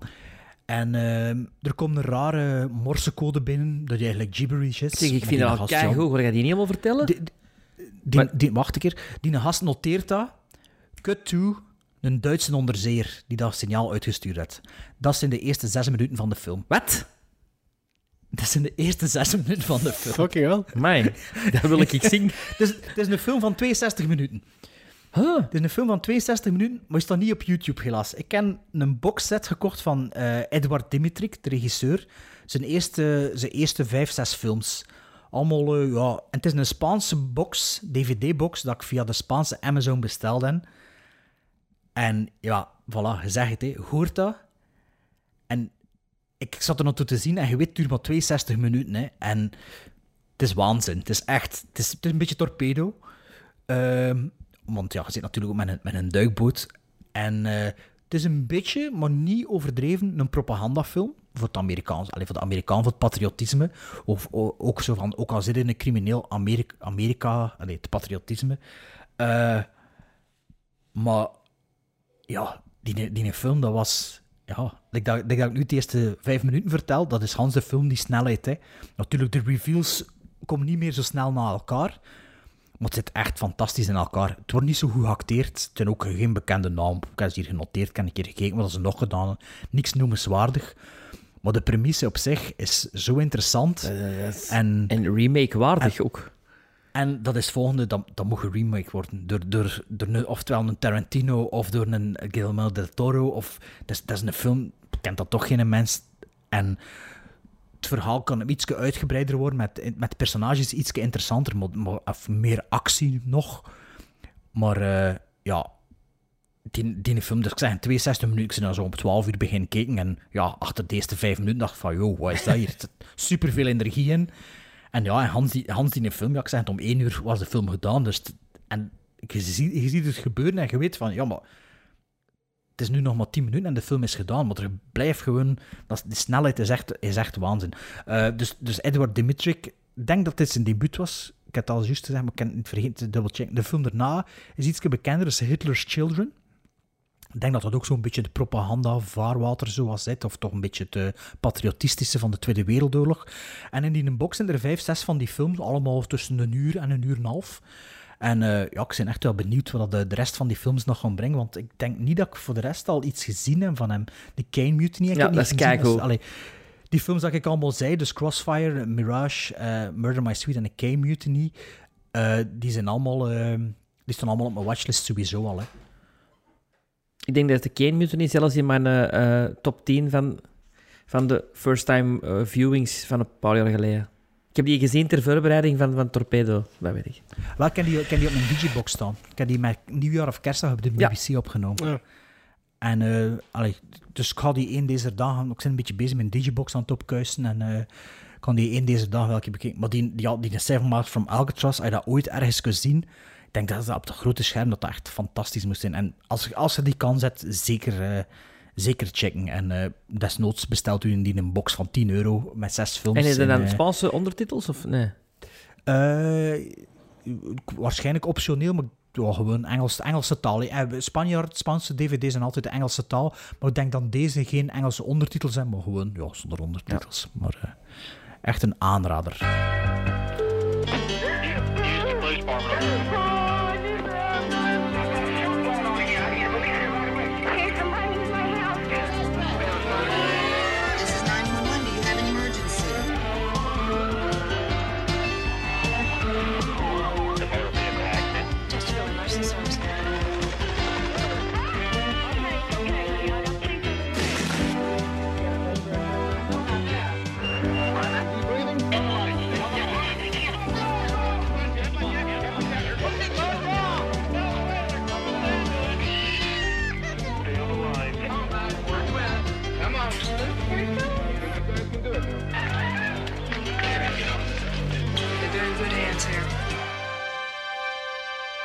Aflevering 112. 112.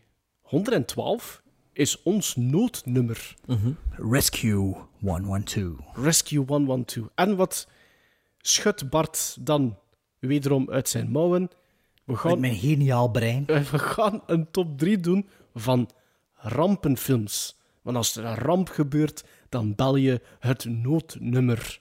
Dus we gaan de top 3 doen van rampenfilms. En daar hoeft verder geen langere introductie aan gekoppeld te worden. En Sven mag beginnen met zijn nummer 3. Mijn nummer drie is er eentje uit mijn geboortejaar, 1974. Ehm, het is een film van John Gillerman. Wie speelt erin mee? Mijn persoonlijke favoriete karakter, of een van mijn persoonlijke favoriete character actors die ik zelf persoonlijk heb ontmoet, Robert Vaughn, Robert Wagner, O.J. Simpson, Richard Chamberlain, Faye Dunaway, William Holden, Fred Astaire, Paul Newman en Steve McQueen. The Towering Inferno. Dat, dat is... Ja, dat, ik heb dat als kind gezien. Ik heb hem onlangs besteld op Blu-ray. Ehm, dat blijft overeind. Ja? Ja. Ik heb dat een paar jaar geleden voor het eerst gezien. Ik vond dat veel te lang. Ah, ja. Ik, denk dat die een paar maand geleden op, eh, op een zondagmiddag op VTM of zoiets is nog een keer uitgezonden.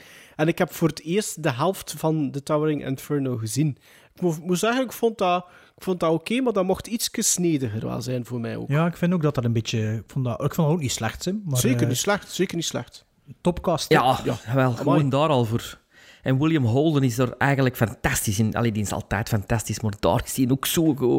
Zo... Ja, misschien William in het Holden kort- van heel- 17, in ja. En- en kort, Sunset. eh, heel kort het verhaal, Sven.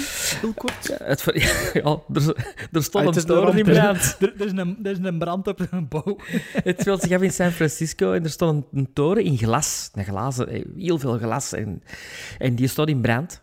En eh, je hebt brandweerlui, je hebt mensen die in de toren zitten, je hebt de, je hebt de slechte ehm, architect, allee, de, de, de mensen die de, de toren gemokt hebben. Eh, het, is, eh, ja, het is alle ingrediënten voor een goede rampenfilm zitten erin.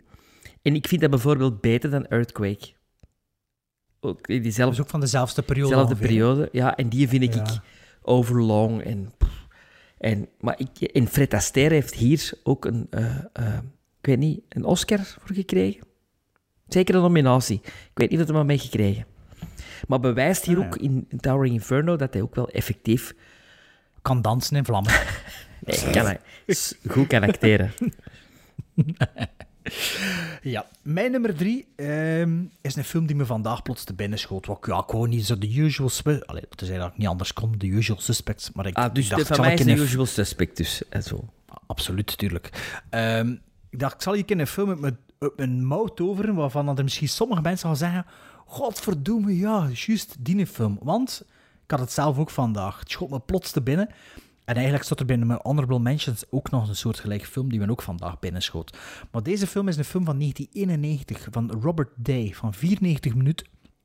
En het is een tv-film. Een tv-film die ik ooit op VTM gezien heb. En die, die dan, eh, ja, dat verdwijnt dan. Je weet dan, met die film dan gezien en je vond het wel cool. En die ik dan plots een jaar later nog een keer gezien heb op VTM. Speelde die weer. Ik zo, oh, die de film. En dan heb ik het over een film, en ik zal eerst zeggen wie dat is. Het is met Lee Majors, a.k.a. de Six dollar, Million Dollar Man.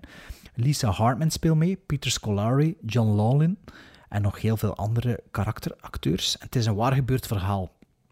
Het is een waar gebeurd verhaal over een brand in een wolkenkrabber in 1988 in LA. De, de First Interstate Tower noemde dat. En de film is Fire, Trapped on the 37th Floor. Die titel ken ik wel.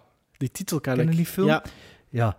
Dat is, eh, ja, dat, is, dat is een soort Towering Inferno rip-off, maar het is wel waar gebeurd. En eh, ik denk dat dat een van de eerste rampenfilms is dat ik ooit, ooit gezien heb. Ik, ik weet nog dat ik, dat ik dacht van shit, dat is waar gebeurd. En zit er maar een keer op dat gebouw. En, eh, en er- dat was nog, denk ik, voor Backdraft zelfs, dat die film 91, van wanneer is Backdraft? 92? Of Dat is dan niet 90? 90, 90. 90? Ah ja, oké. Ik ken die toch wel voor Backdraft gezien, want Backdraft heb ik pas, la- pas later gezien. En eh, ja, Dus ik dacht, ach, die moet ik in mijn top 3 steken. Ik heb die film sindsdien nooit meer gezien, maar als kind was dan, eh, had hij een zware indruk op me achtergelaten. Dus Fire Trapped on the 37th Floor, mijn persoonlijke Towering Inferno. Eh, bij de voorbereiding van dit segment ehm, ben ik heel snel te weten gekomen dat ik bitter weinig rampenfilms al gezien heb. En, en dan er ook niet zoveel bestaan eigenlijk. Maar het hangt er een beetje vanaf hoe, dat het, hoe, dat, hoe ruim dat je het interpreteert. Want ik moet wel eerlijk zeggen, als ik denk aan een, rampenfilm, sorry Sven, dan denk ik inderdaad ook direct bijvoorbeeld aan titels zijnde The Towering Inferno. Ehm, maar ik heb die nog niet gezien. Een stuk, zoals ik gezegd heb, een paar maanden geleden. Maar zo zijn er nog, hè. Het het kan zijn dat Fire er- Trapped on the 37th Floor. dat bijvoorbeeld. Maar ik denk dat er misschien nog titels gaan volgen die... Allee, misschien bekend zijn, maar dat zijn allemaal titels die ik nog niet gezien heb. Ehm, wat heb ik gedaan? Ik heb een top 3 gemaakt. En warempel, de drie titels zijn films die ik alle drie voor het eerst gezien heb vorig jaar. Dus zijn de, alle drie films die ik in 2019 voor het eerst heb gezien. En op drie staat een film uit 2012 van een uur 54. Sven lacht, dus Sven weet over wat dat gaat. Ja, het jaar Eh, zegt wel. 2012 of wat? Nee, was het jaar nee, daarvoor nee, nee, dat is, dat, is, dat is niet de film. Nee, het, het gaat om over The Impossible van eh, J.A. Ah. Bay- Bayona. Bayo- Bayona, Bayona, Bayona, Bayona, eh, van A Monster Calls, onder andere. Ehm, met in de hoofdrollen Naomi Watts, die een Oscar gekregen heeft voor haar vertolking in The Impossible. Ewan McGregor speelt erin mee en een hele jonge Tom Holland. Eh, het vertelt het verhaal over een gewone familie eigenlijk. Een man, vrouw, drie kinderen die naar Thailand, eh, Thailand reizen om er kerstmis te vieren. En dat complex waar dat ze verblijven, die grenst aan de kustlijn. En net zoals andere toeristen, ja, brengen die veel van hun tijd in het zwembad door. Al goed en wel natuurlijk, waren het niet 2004 in die film. En net die Boxing Day, tweede kerstdag dus, ehm, is er de waar gebeurde en verschrikkelijke, verschrikkelijke tsunami die iedereen verrast. En die Impossible begint eigenlijk ja, met die tsunami en het gezin overleeft, maar wordt van elkaar gescheiden. Dus de moeder ehm, blijft achter met de oudste zoon en de vader heeft eh, de twee andere zonen. En eigenlijk komt het erop neer dat de vader probeert het gezin te herenigen, herenigen. En een extra moeilijkheid is dat die moeder zwaar gewond is eigenlijk door eh, de tsunami. Eh, ja. Maar het is een hele indrukwekkende film, visueel. En Zeker ik, beginnen. En ik had er eigenlijk al veel over gehoord, maar het was zo'n film die mij niet interesseerde. Ik, ik, ik- ja, ik weet niet waarom, maar ik had er nooit geen goestingen om aan daaraan te beginnen. En wederom, denk dat het op, op VRT was of zoiets, in 2019 begint hij te spelen. En ik was juist op tijd. En, en ik heb gekeken en ik was eigenlijk best onder de indruk van, eh, van die Impossible. Wordt verschrikkelijk goed in geacteerd. Visueel ziet dat er echt goed uit, wat ik ook niet had gedacht. En het is best aangrijpend. Eh, Ja, ja, zeker. zo- Heb jij dat gezien, Sven? Vlaarden, denk ik. Het begin is... De, de tsunami Ja, zelf is echt... is oh, is- ja. Ik vind het, de- de- ja, de- maar ik vind de- het Tsunami in Hereafter indrukwekkender. Van Clint Nee, Eastwood. Dat heb ik niet gezien.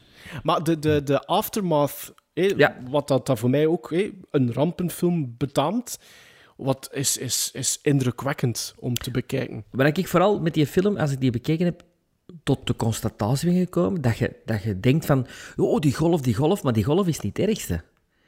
Ah, nee. Het is al, al, alles dat verschuift Alles, de, en de, beweegt. de en- debris. En, de, en, Ja. en, en dat is mij met die film ook wel duidelijk geworden. Van, ah, oké. Dus is niet alleen die golf, maar het is waar dat de- uit die golf terugtrekt, is het eigenlijk nog veel erger. Ja, want dan, ja, dan ja. sleurt alles mee. Hè.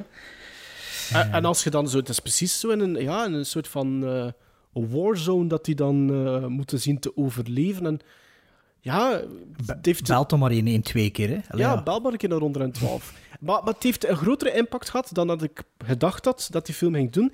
En met een uur 54, daar had ik ook een beetje schrik voor. Maar dat tempo zit goed. In die, in Het is Impossible. blijden op het einde. Ja, ja er goed wordt wel... Het is ja, blijden, hè. Je Ja, kunt ja. ja. ja. Ja, ja, ja. Dat Dus is de specialiteit van die, van die regisseur precies wel. Hè. Precies wel, hè, ja. Maar wel El Fernando niet echt, hè. Maar heb een Monster Calls al Nee. gezien, Sven? Ah, nee. Nee. Je durft niet. Nee. Je durft niet. Dat is zo, zo zware thema's allemaal. Hè. Zo. Dat is ja, zeker. Maar het is juist wat die film eh, zo goed maakt ook wel. Ja, maar het is waar. Allee Sven, nummer 2 is dus niet eh The Impossible. Nee, nummer 2 is een film uit 1998. Ehm, moest ik, ook, niet- ik heb eigenlijk over mijn top 3 niet lang moeten nadenken. Dat was direct duidelijk van ah, die film, die film, die film. Ja, dat zijn wel nog een paar andere dan gevonden, maar die blijven overeind. Film van 98 van een vrouwelijke regisseur, Mimi Leder. Met James Cromwell, John Favreau, Maximilian Schell, Vanessa Redgrave, Elijah Wood, Derek DeLint, Thea Leoni, Robert Duvall en Morgan Freeman. Eh, hetzelfde jaar dan eh, Armageddon, maar...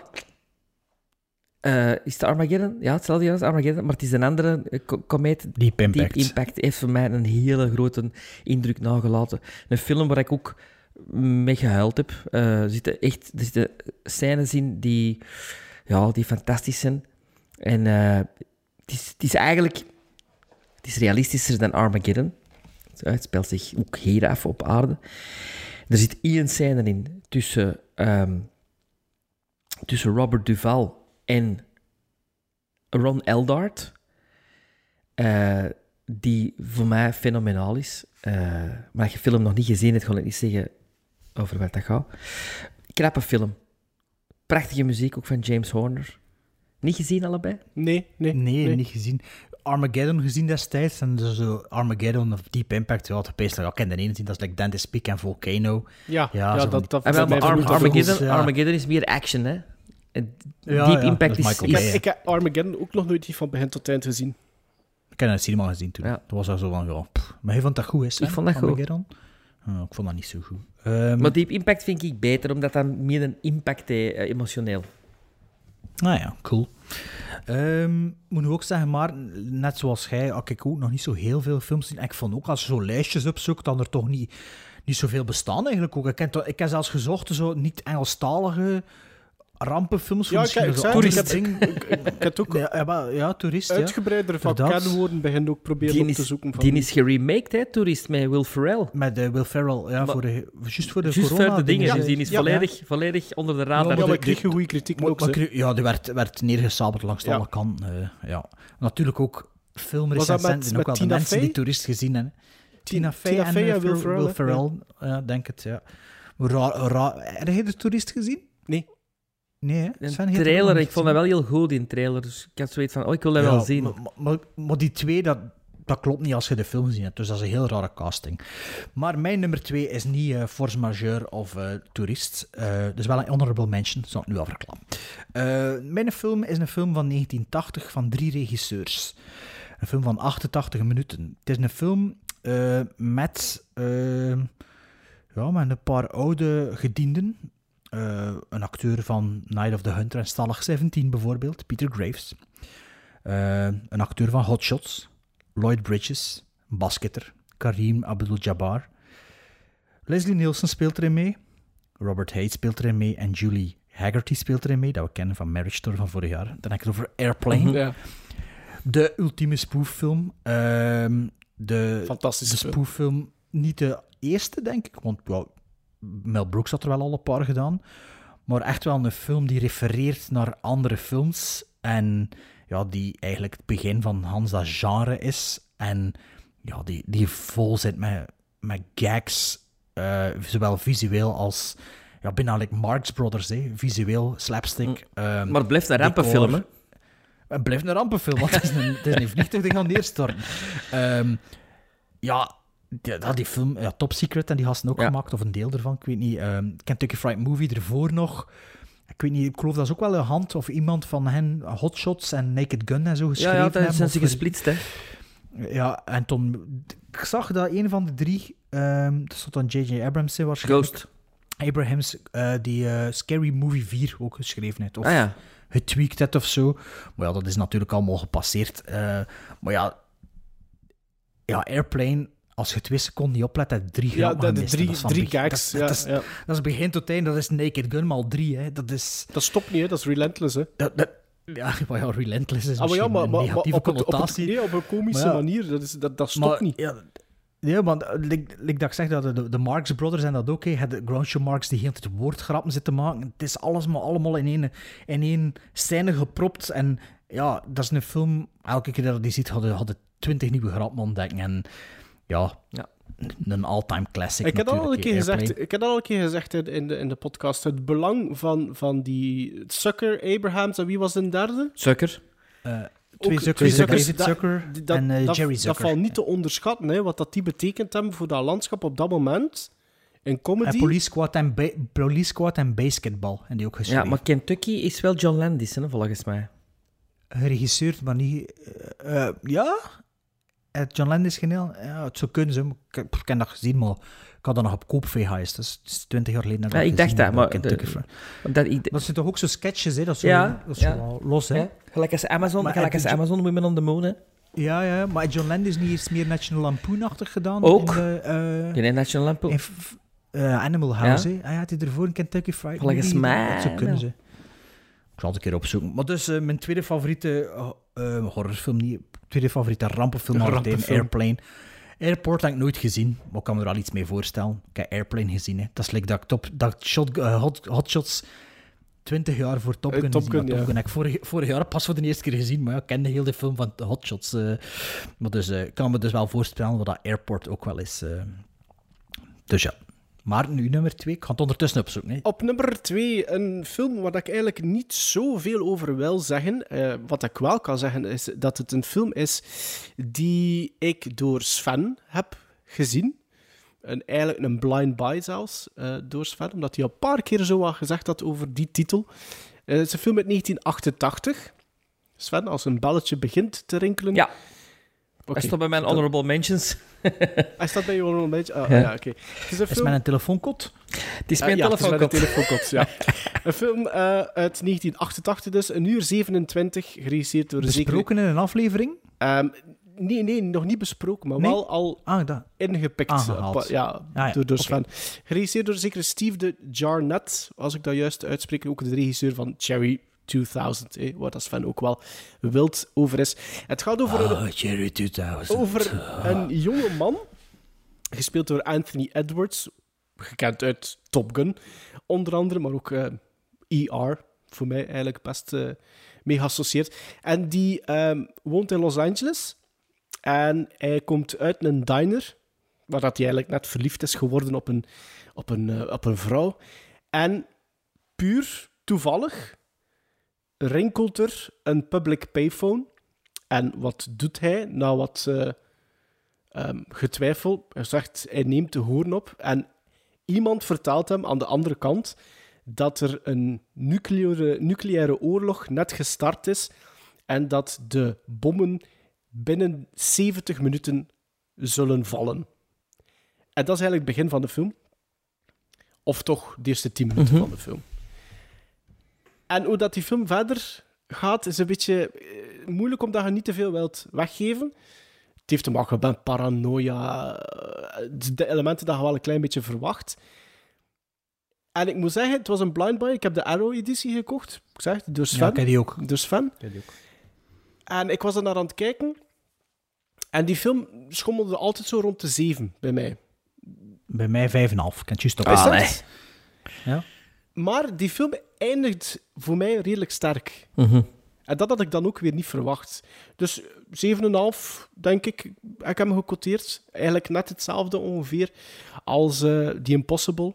Eh, maar ik heb hem toch eentje hoger gezet. Ja, ik, ik durf er niet te veel over zeggen. Ik vind dat wel een film dat je gewoon moet bekijken. Eigenlijk. Ja, en een geweldige score ook van Tangerine Dream. Ja, klopt. Ja. Een mooie cinematografie, mooie Ja. setdesign, mooie kleurgebruik. En op de Arrow-editie stond een heel plezante documentaire. Ja, dat heb je wel gezegd. Een reunie over- met al die mensen in die diner. En, en Anthony Edwards en zij zijn, Ze zijn een koppel. Ja, Ja. voilà. Ik weet dat nog dat je dat gezegd hebt. Dus op Ja, twee, voilà, zie. eh, Miracle Mile uit 88. Ah, kijk, maar dat is juist onderbroken voor te zeggen dat het van John Landis was, of had ik dat Nee. nog niet gedaan? Het is van John Landis. Kentucky Fried Movie. Dus Sven, punt vooruit. Mijn nummer 1 is een film uit 1972 met een fantastische uh, theme song. En de, de theme song is The Morning After. Um, staat haaks op heel de film, maar is wel een, een, een liedje, als je dat hoort op het einde van de film, er zit een week mee in mijn kop. Wie speelt er in deze rampenfilm mee? Roddy McDowell, Red Buttons, Shelley Winters, Ernest Borgnine en Gene Hackman. Ik heb het over de film van Ronald Neame, The Poseidon Adventure. Ah, ja, ja. Dat ook, is- weer zo'n, ook weer zo'n titel dat je direct vindt als je... Ja, maar dat is echt wel een top, top, top film. Dat is... Staat al lang op mijn wishlist Als- voor eh, Amazon. Als, als kind honderd keer gezien. Ik heb die pas leren kennen door de remake van 2002 of Ja, zo maar met die Kurt Russell. niks. Maar ja, ik heb die niet gezien, ze, maar het is pas toen dat die film op me... Maar hoe noemt hij nog niet? Poseidon? Poseidon die film? gewoon, ja. Van, Ja, dat was ja, de ja, laatste stuiptrekking van Wolfgang Petersen, denk ik. eh. Ah, ja, juist, juist. Maar eh, Wat, pas... is, is, Roddy, Mc, is Robert, Roddy McDowell de priester? Ja. Ja, hè? Ja. Ja, ja, ja, ja. En Gene Hackman is... eh, eh, ehm, Maar is de Poseidon een cruiseschip of een duikboot? Nee, een cruise, Ah, cruiseschip. En dat is de, cruiseschip, fantastische ja. scène, dus dat is, die kantelt. En er is een grote kerstboom. Want Het is kerstavond. En, en, dat is, en Shelley Winters, vroeger zwemkampioene, hè, zwemdoek in de film, onder dingen en Dinges, zo. hè?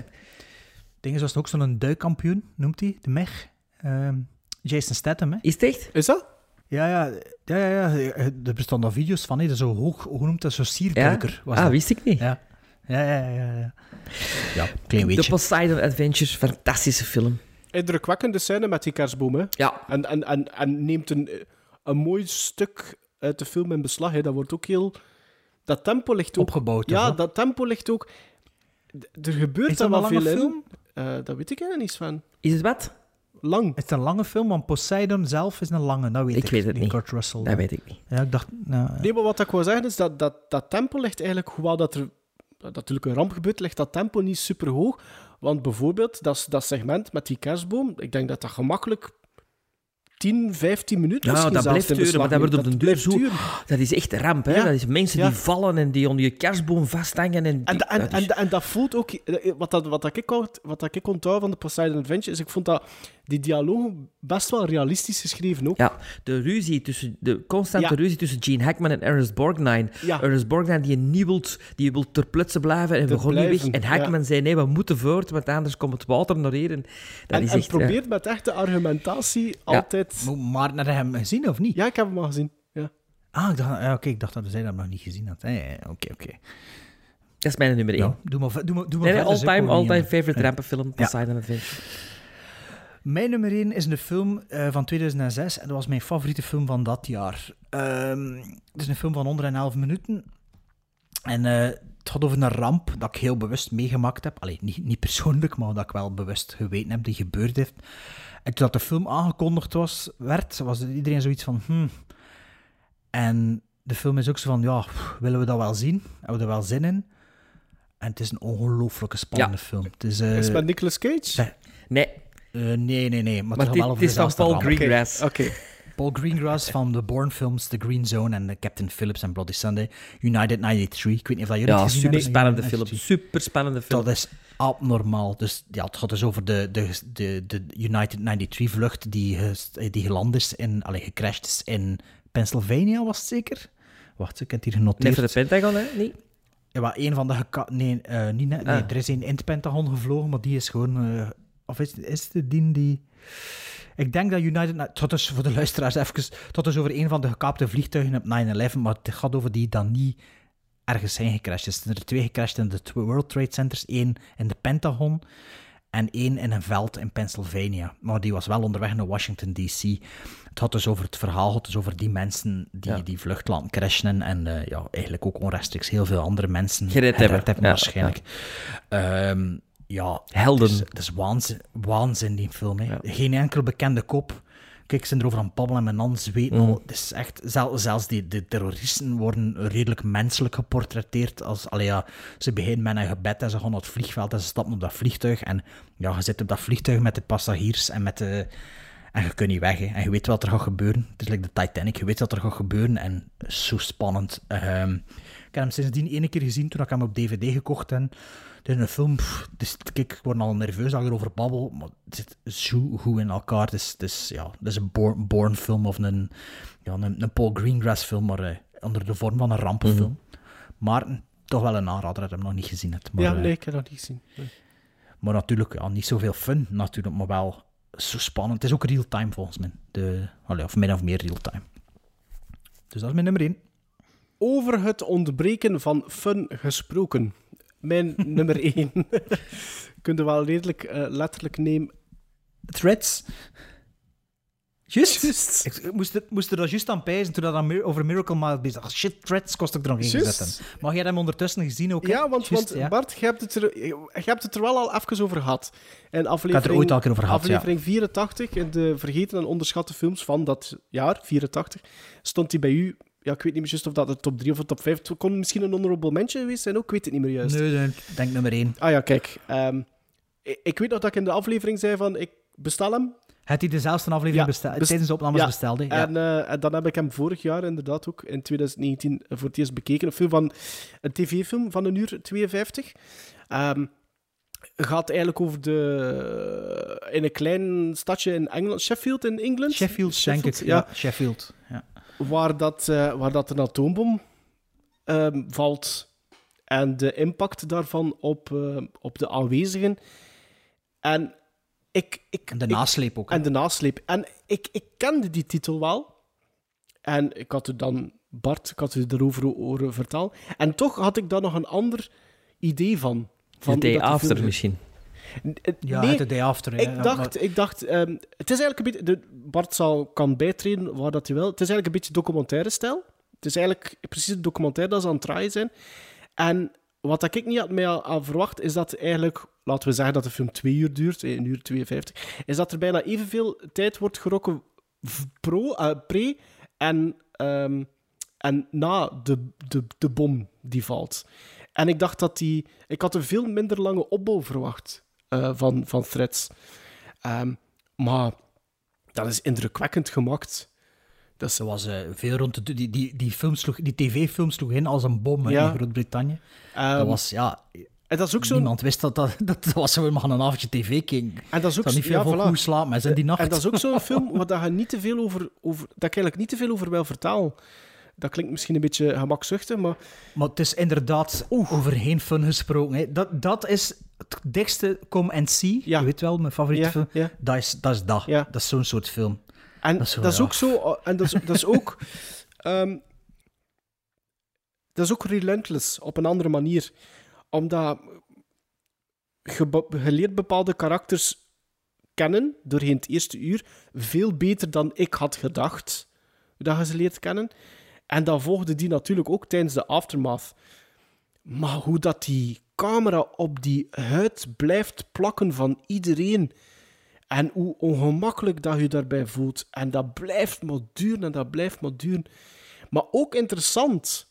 Er zitten hele toffe, interessante dingen in. Bijvoorbeeld eh, dat er een, een, een, een groep gevormd wordt van mensen die aanzien worden als intellectuelen.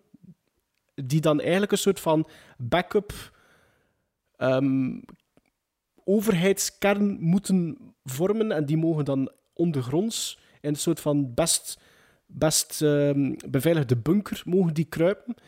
Om dan, ja, als alles achter de rug is, voor de maatschappij weer een beetje te proberen op te krijgen. Ik vond dat heel inter- interessant ook, om dat te zien. En wederom, dat is eigenlijk... Dat soort dingen heb ik nog niet zo vaak in andere films gezien. Maar de manier waarop, eh, zeker door, door gebruik te maken van zo'n documentaire stijl. Maar het is, het is, het is, het is grim, hè. Het is, het is zo bleek. Ja, ik moet zelfs zeggen dat ik zelfs de, de Blu-ray, de Severin-films, hè, waarschijnlijk. Ik heb de Blu-ray, maar ik denk niet dat dat van Severin is. Ah, is niet Severin? Ehm, ja, of misschien in, in Groot-Brittannië een, andere, een, ander, een ander ding. Ja, ik, ik heb zelfs geen behoefte om die film te bestellen. Ik heb er geen zin meer in. Ik heb dat één keer gezien en... pff, allee, ja, ik was toen 14 jaar of zo. Ik was er toen al depressief door. Ja, dat ik dat nu zie, ga ik het zeker depressief door zijn. Dus eh, pff, ik weet niet of dat ik dat ooit nog wil zien, maar... eh, ja. Maar Sven... Sven eh, spreekt u aan? Ik heb de Day After gezien en ik ben naar Chernobyl ontzien. Heb niet Chernobyl? met hè? Nee, ook niet? Nee. Ja, ik weet het, ik heb Chernobyl niet gezien. Chernobyl is, is filmisch gemaakt, hè. Het is, het is, allee. En The Day After ook, geloof ik, hè. Dit, dat is echt, dat is, dat is grim, hè. Dat is grauw, hè. Is zwart, Dat is echt- Is zwart-wit, of Nee, niet? nee, nee. Ah, in mijn hoofd is zelfs zwart. Maar het is vrij... maar ja, is- Zo'n film is veel zelfs... saturatie zit er ook natuurlijk niet in, hè. Allee, ja, dus, Ja, eh, nee, ja, alles is eh, kapot. Ja. Ja, ja, allee. Honorable mentions. Of hier, hè. ja, na, na de World Trade Center en de atoombom, ja, honorable mentions. Zal ik beginnen? Er is een andere film dat ik zei, die een tv-film. Dat is een tv-film van 1990, dat ik ooit zo twee keer op tv gezien heb. En dat was Challenger. Had iemand Ja, ooit gezien? met Brian Dennehy. Nee?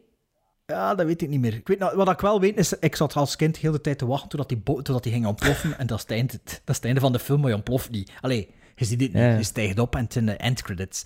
Dus Challenger, dat was een film die me nog vandaag te binnen schoot. Eh, The Perfect Storm, Titanic, eh, Tourist, This is the End van eh, James Franco, dacht ik. Apollo 13, Deepwater Horizon en The Impossible. Ah. Son? Wel, ik heb nog Beyond the Poseidon Adventure. Een film die zeven jaar later is gemaakt met Michael Caine, Sally Field, Telly Savalas. Eh, ook goed. Een, een, een waardige eh, sequel.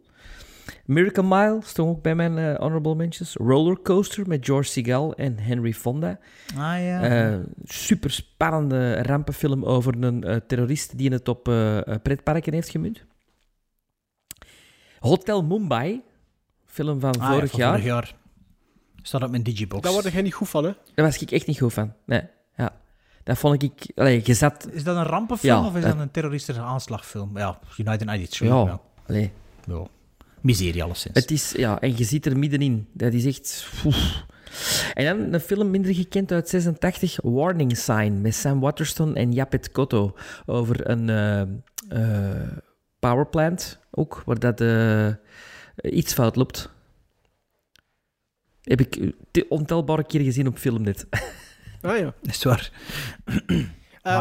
Bij mij een, een paar hele mm, cheesy bekende, maar ook een paar andere misschien. Ik heb Cloverfield heb ik ertussen staan. Ah, ja. Dat is een film dat ik eh, ook niks van verwachtte en dat mij eigenlijk bijzonder goed is meegevallen. Wat ik zeker... Ik had er grote verwachtingen van en ik vond dat goed mee van. Ah, ik, ik, En zei, ik had er niks van verwacht en ik vond dat goed. Ik, ik vond die online campagne, die online eh, marketingcampagne, vond ik zo goed van eh, Cloverfield. Ik, denk, Dus, ik, ik herinner mij daar niet meer zoveel van, maar ik denk een van de redenen waarom dat ik daar zo lang mee gewacht is, omdat dat wel een, er was wel een grote hype rond, hè, rond Mhm. Cloverfield. Um, Outbreak, ik vind dat nog altijd een goede film, met Dustin Hoffman en eh René Russo, als ik me niet vergis. En Morgan Ehm, Freeman. En Morgan Freeman. Eh, Mars Attacks van Tim Burton. ook een ja, soort ik van heb die ook gezien op een of andere Ja. lijstje. dacht ik, ja, hm. Eh, de originele Godzilla is ook een rampenfilm, vind ik ook goed. Independence Day, maar dat zijn zo echt de, de, de, degene dat je vindt. This is the End heb ik er ook bij staan, Bart. Om toch een komische noot in het geheel te zeggen. En, dus geen airplane, hè? Nee, dat niet. En ik eindig met de, The Divide. Ik weet niet of dat jullie die ooit gezien hebben, met Michael Bean, onder andere, in de hoofdrol. De naam zegt me wel iets, ja. Eh, ik heb hem niet in mijn lijstje gezet. Het was, het was een contender voor nummer drie. Maar als ik me niet vergis, is de ramp al gebeurd. Wanneer, Kan dat de, wanneer dat de film begint. Divide. Ken ik niet, ken ik niet. Dus Volgens mij... het kruipt ook onder uw huid. Dus wat dat er gebeurt... Van 2011? ja, als Michael Bean, ja, denk het wel. Eh, Eh, ja, ja. Amai, is dat zo geschreven? Bean. ja. Bean. eh, het gaat over eigenlijk... Ik denk, de, de, ja. de, de bom is al gevallen. Het gaat over een nucleaire oorlog ook. De bom is Ja, al gevallen. de bom is al en er zit een heel hier, klein select gezelschap die hem eigenlijk verschuilt in één bunker. En de eigenaar van die bunker is Michael Bean. En dan zijn er mensen ja, die onder stress snappen. Ding, dingen doen. Dingen doen. Eh, maar het is, het is grof, die divide. En het blijft ook, blijft ook hangen. Eh, eh, dus het is redelijk grof. Eh, en dat was het eigenlijk. Kijk, met de, Allee. divide.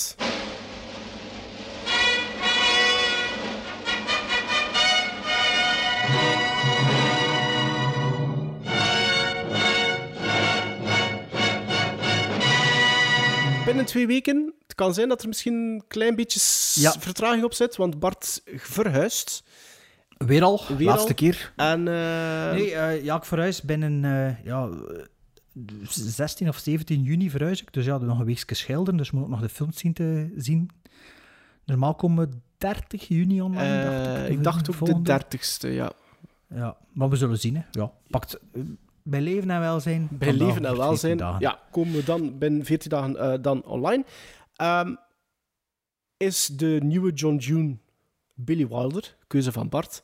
Bespreken we Sunset Boulevard, bespreken we Stallag 17, bespreken we 1, 2, 3. En wat een feest, wat een feest zal dat waarschijnlijk geweest zijn. Zoiets. Binnen twee weken, Ja. aflevering. En als ze, alleszins minder depressief, de- deprimerend dat- dan... dat- dat alleszins. Dan was, het- dan was de top drie rampenfilms. Dus Ah. absoluut iets voor naar uit te kijken. Aflevering 113 van de Crown Strike Back Film Podcast.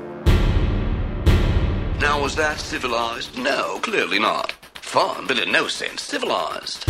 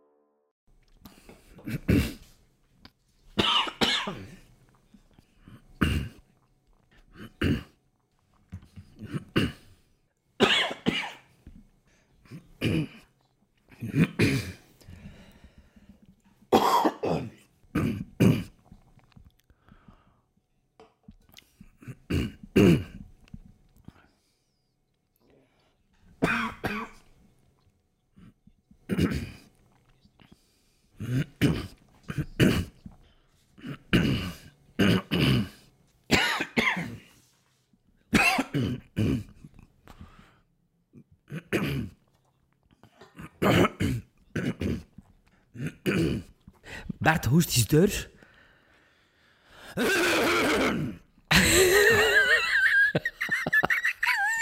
Ja, het, het, eh, de verkeerde keel had. Dus ja. Het zal niet weg zijn, hè.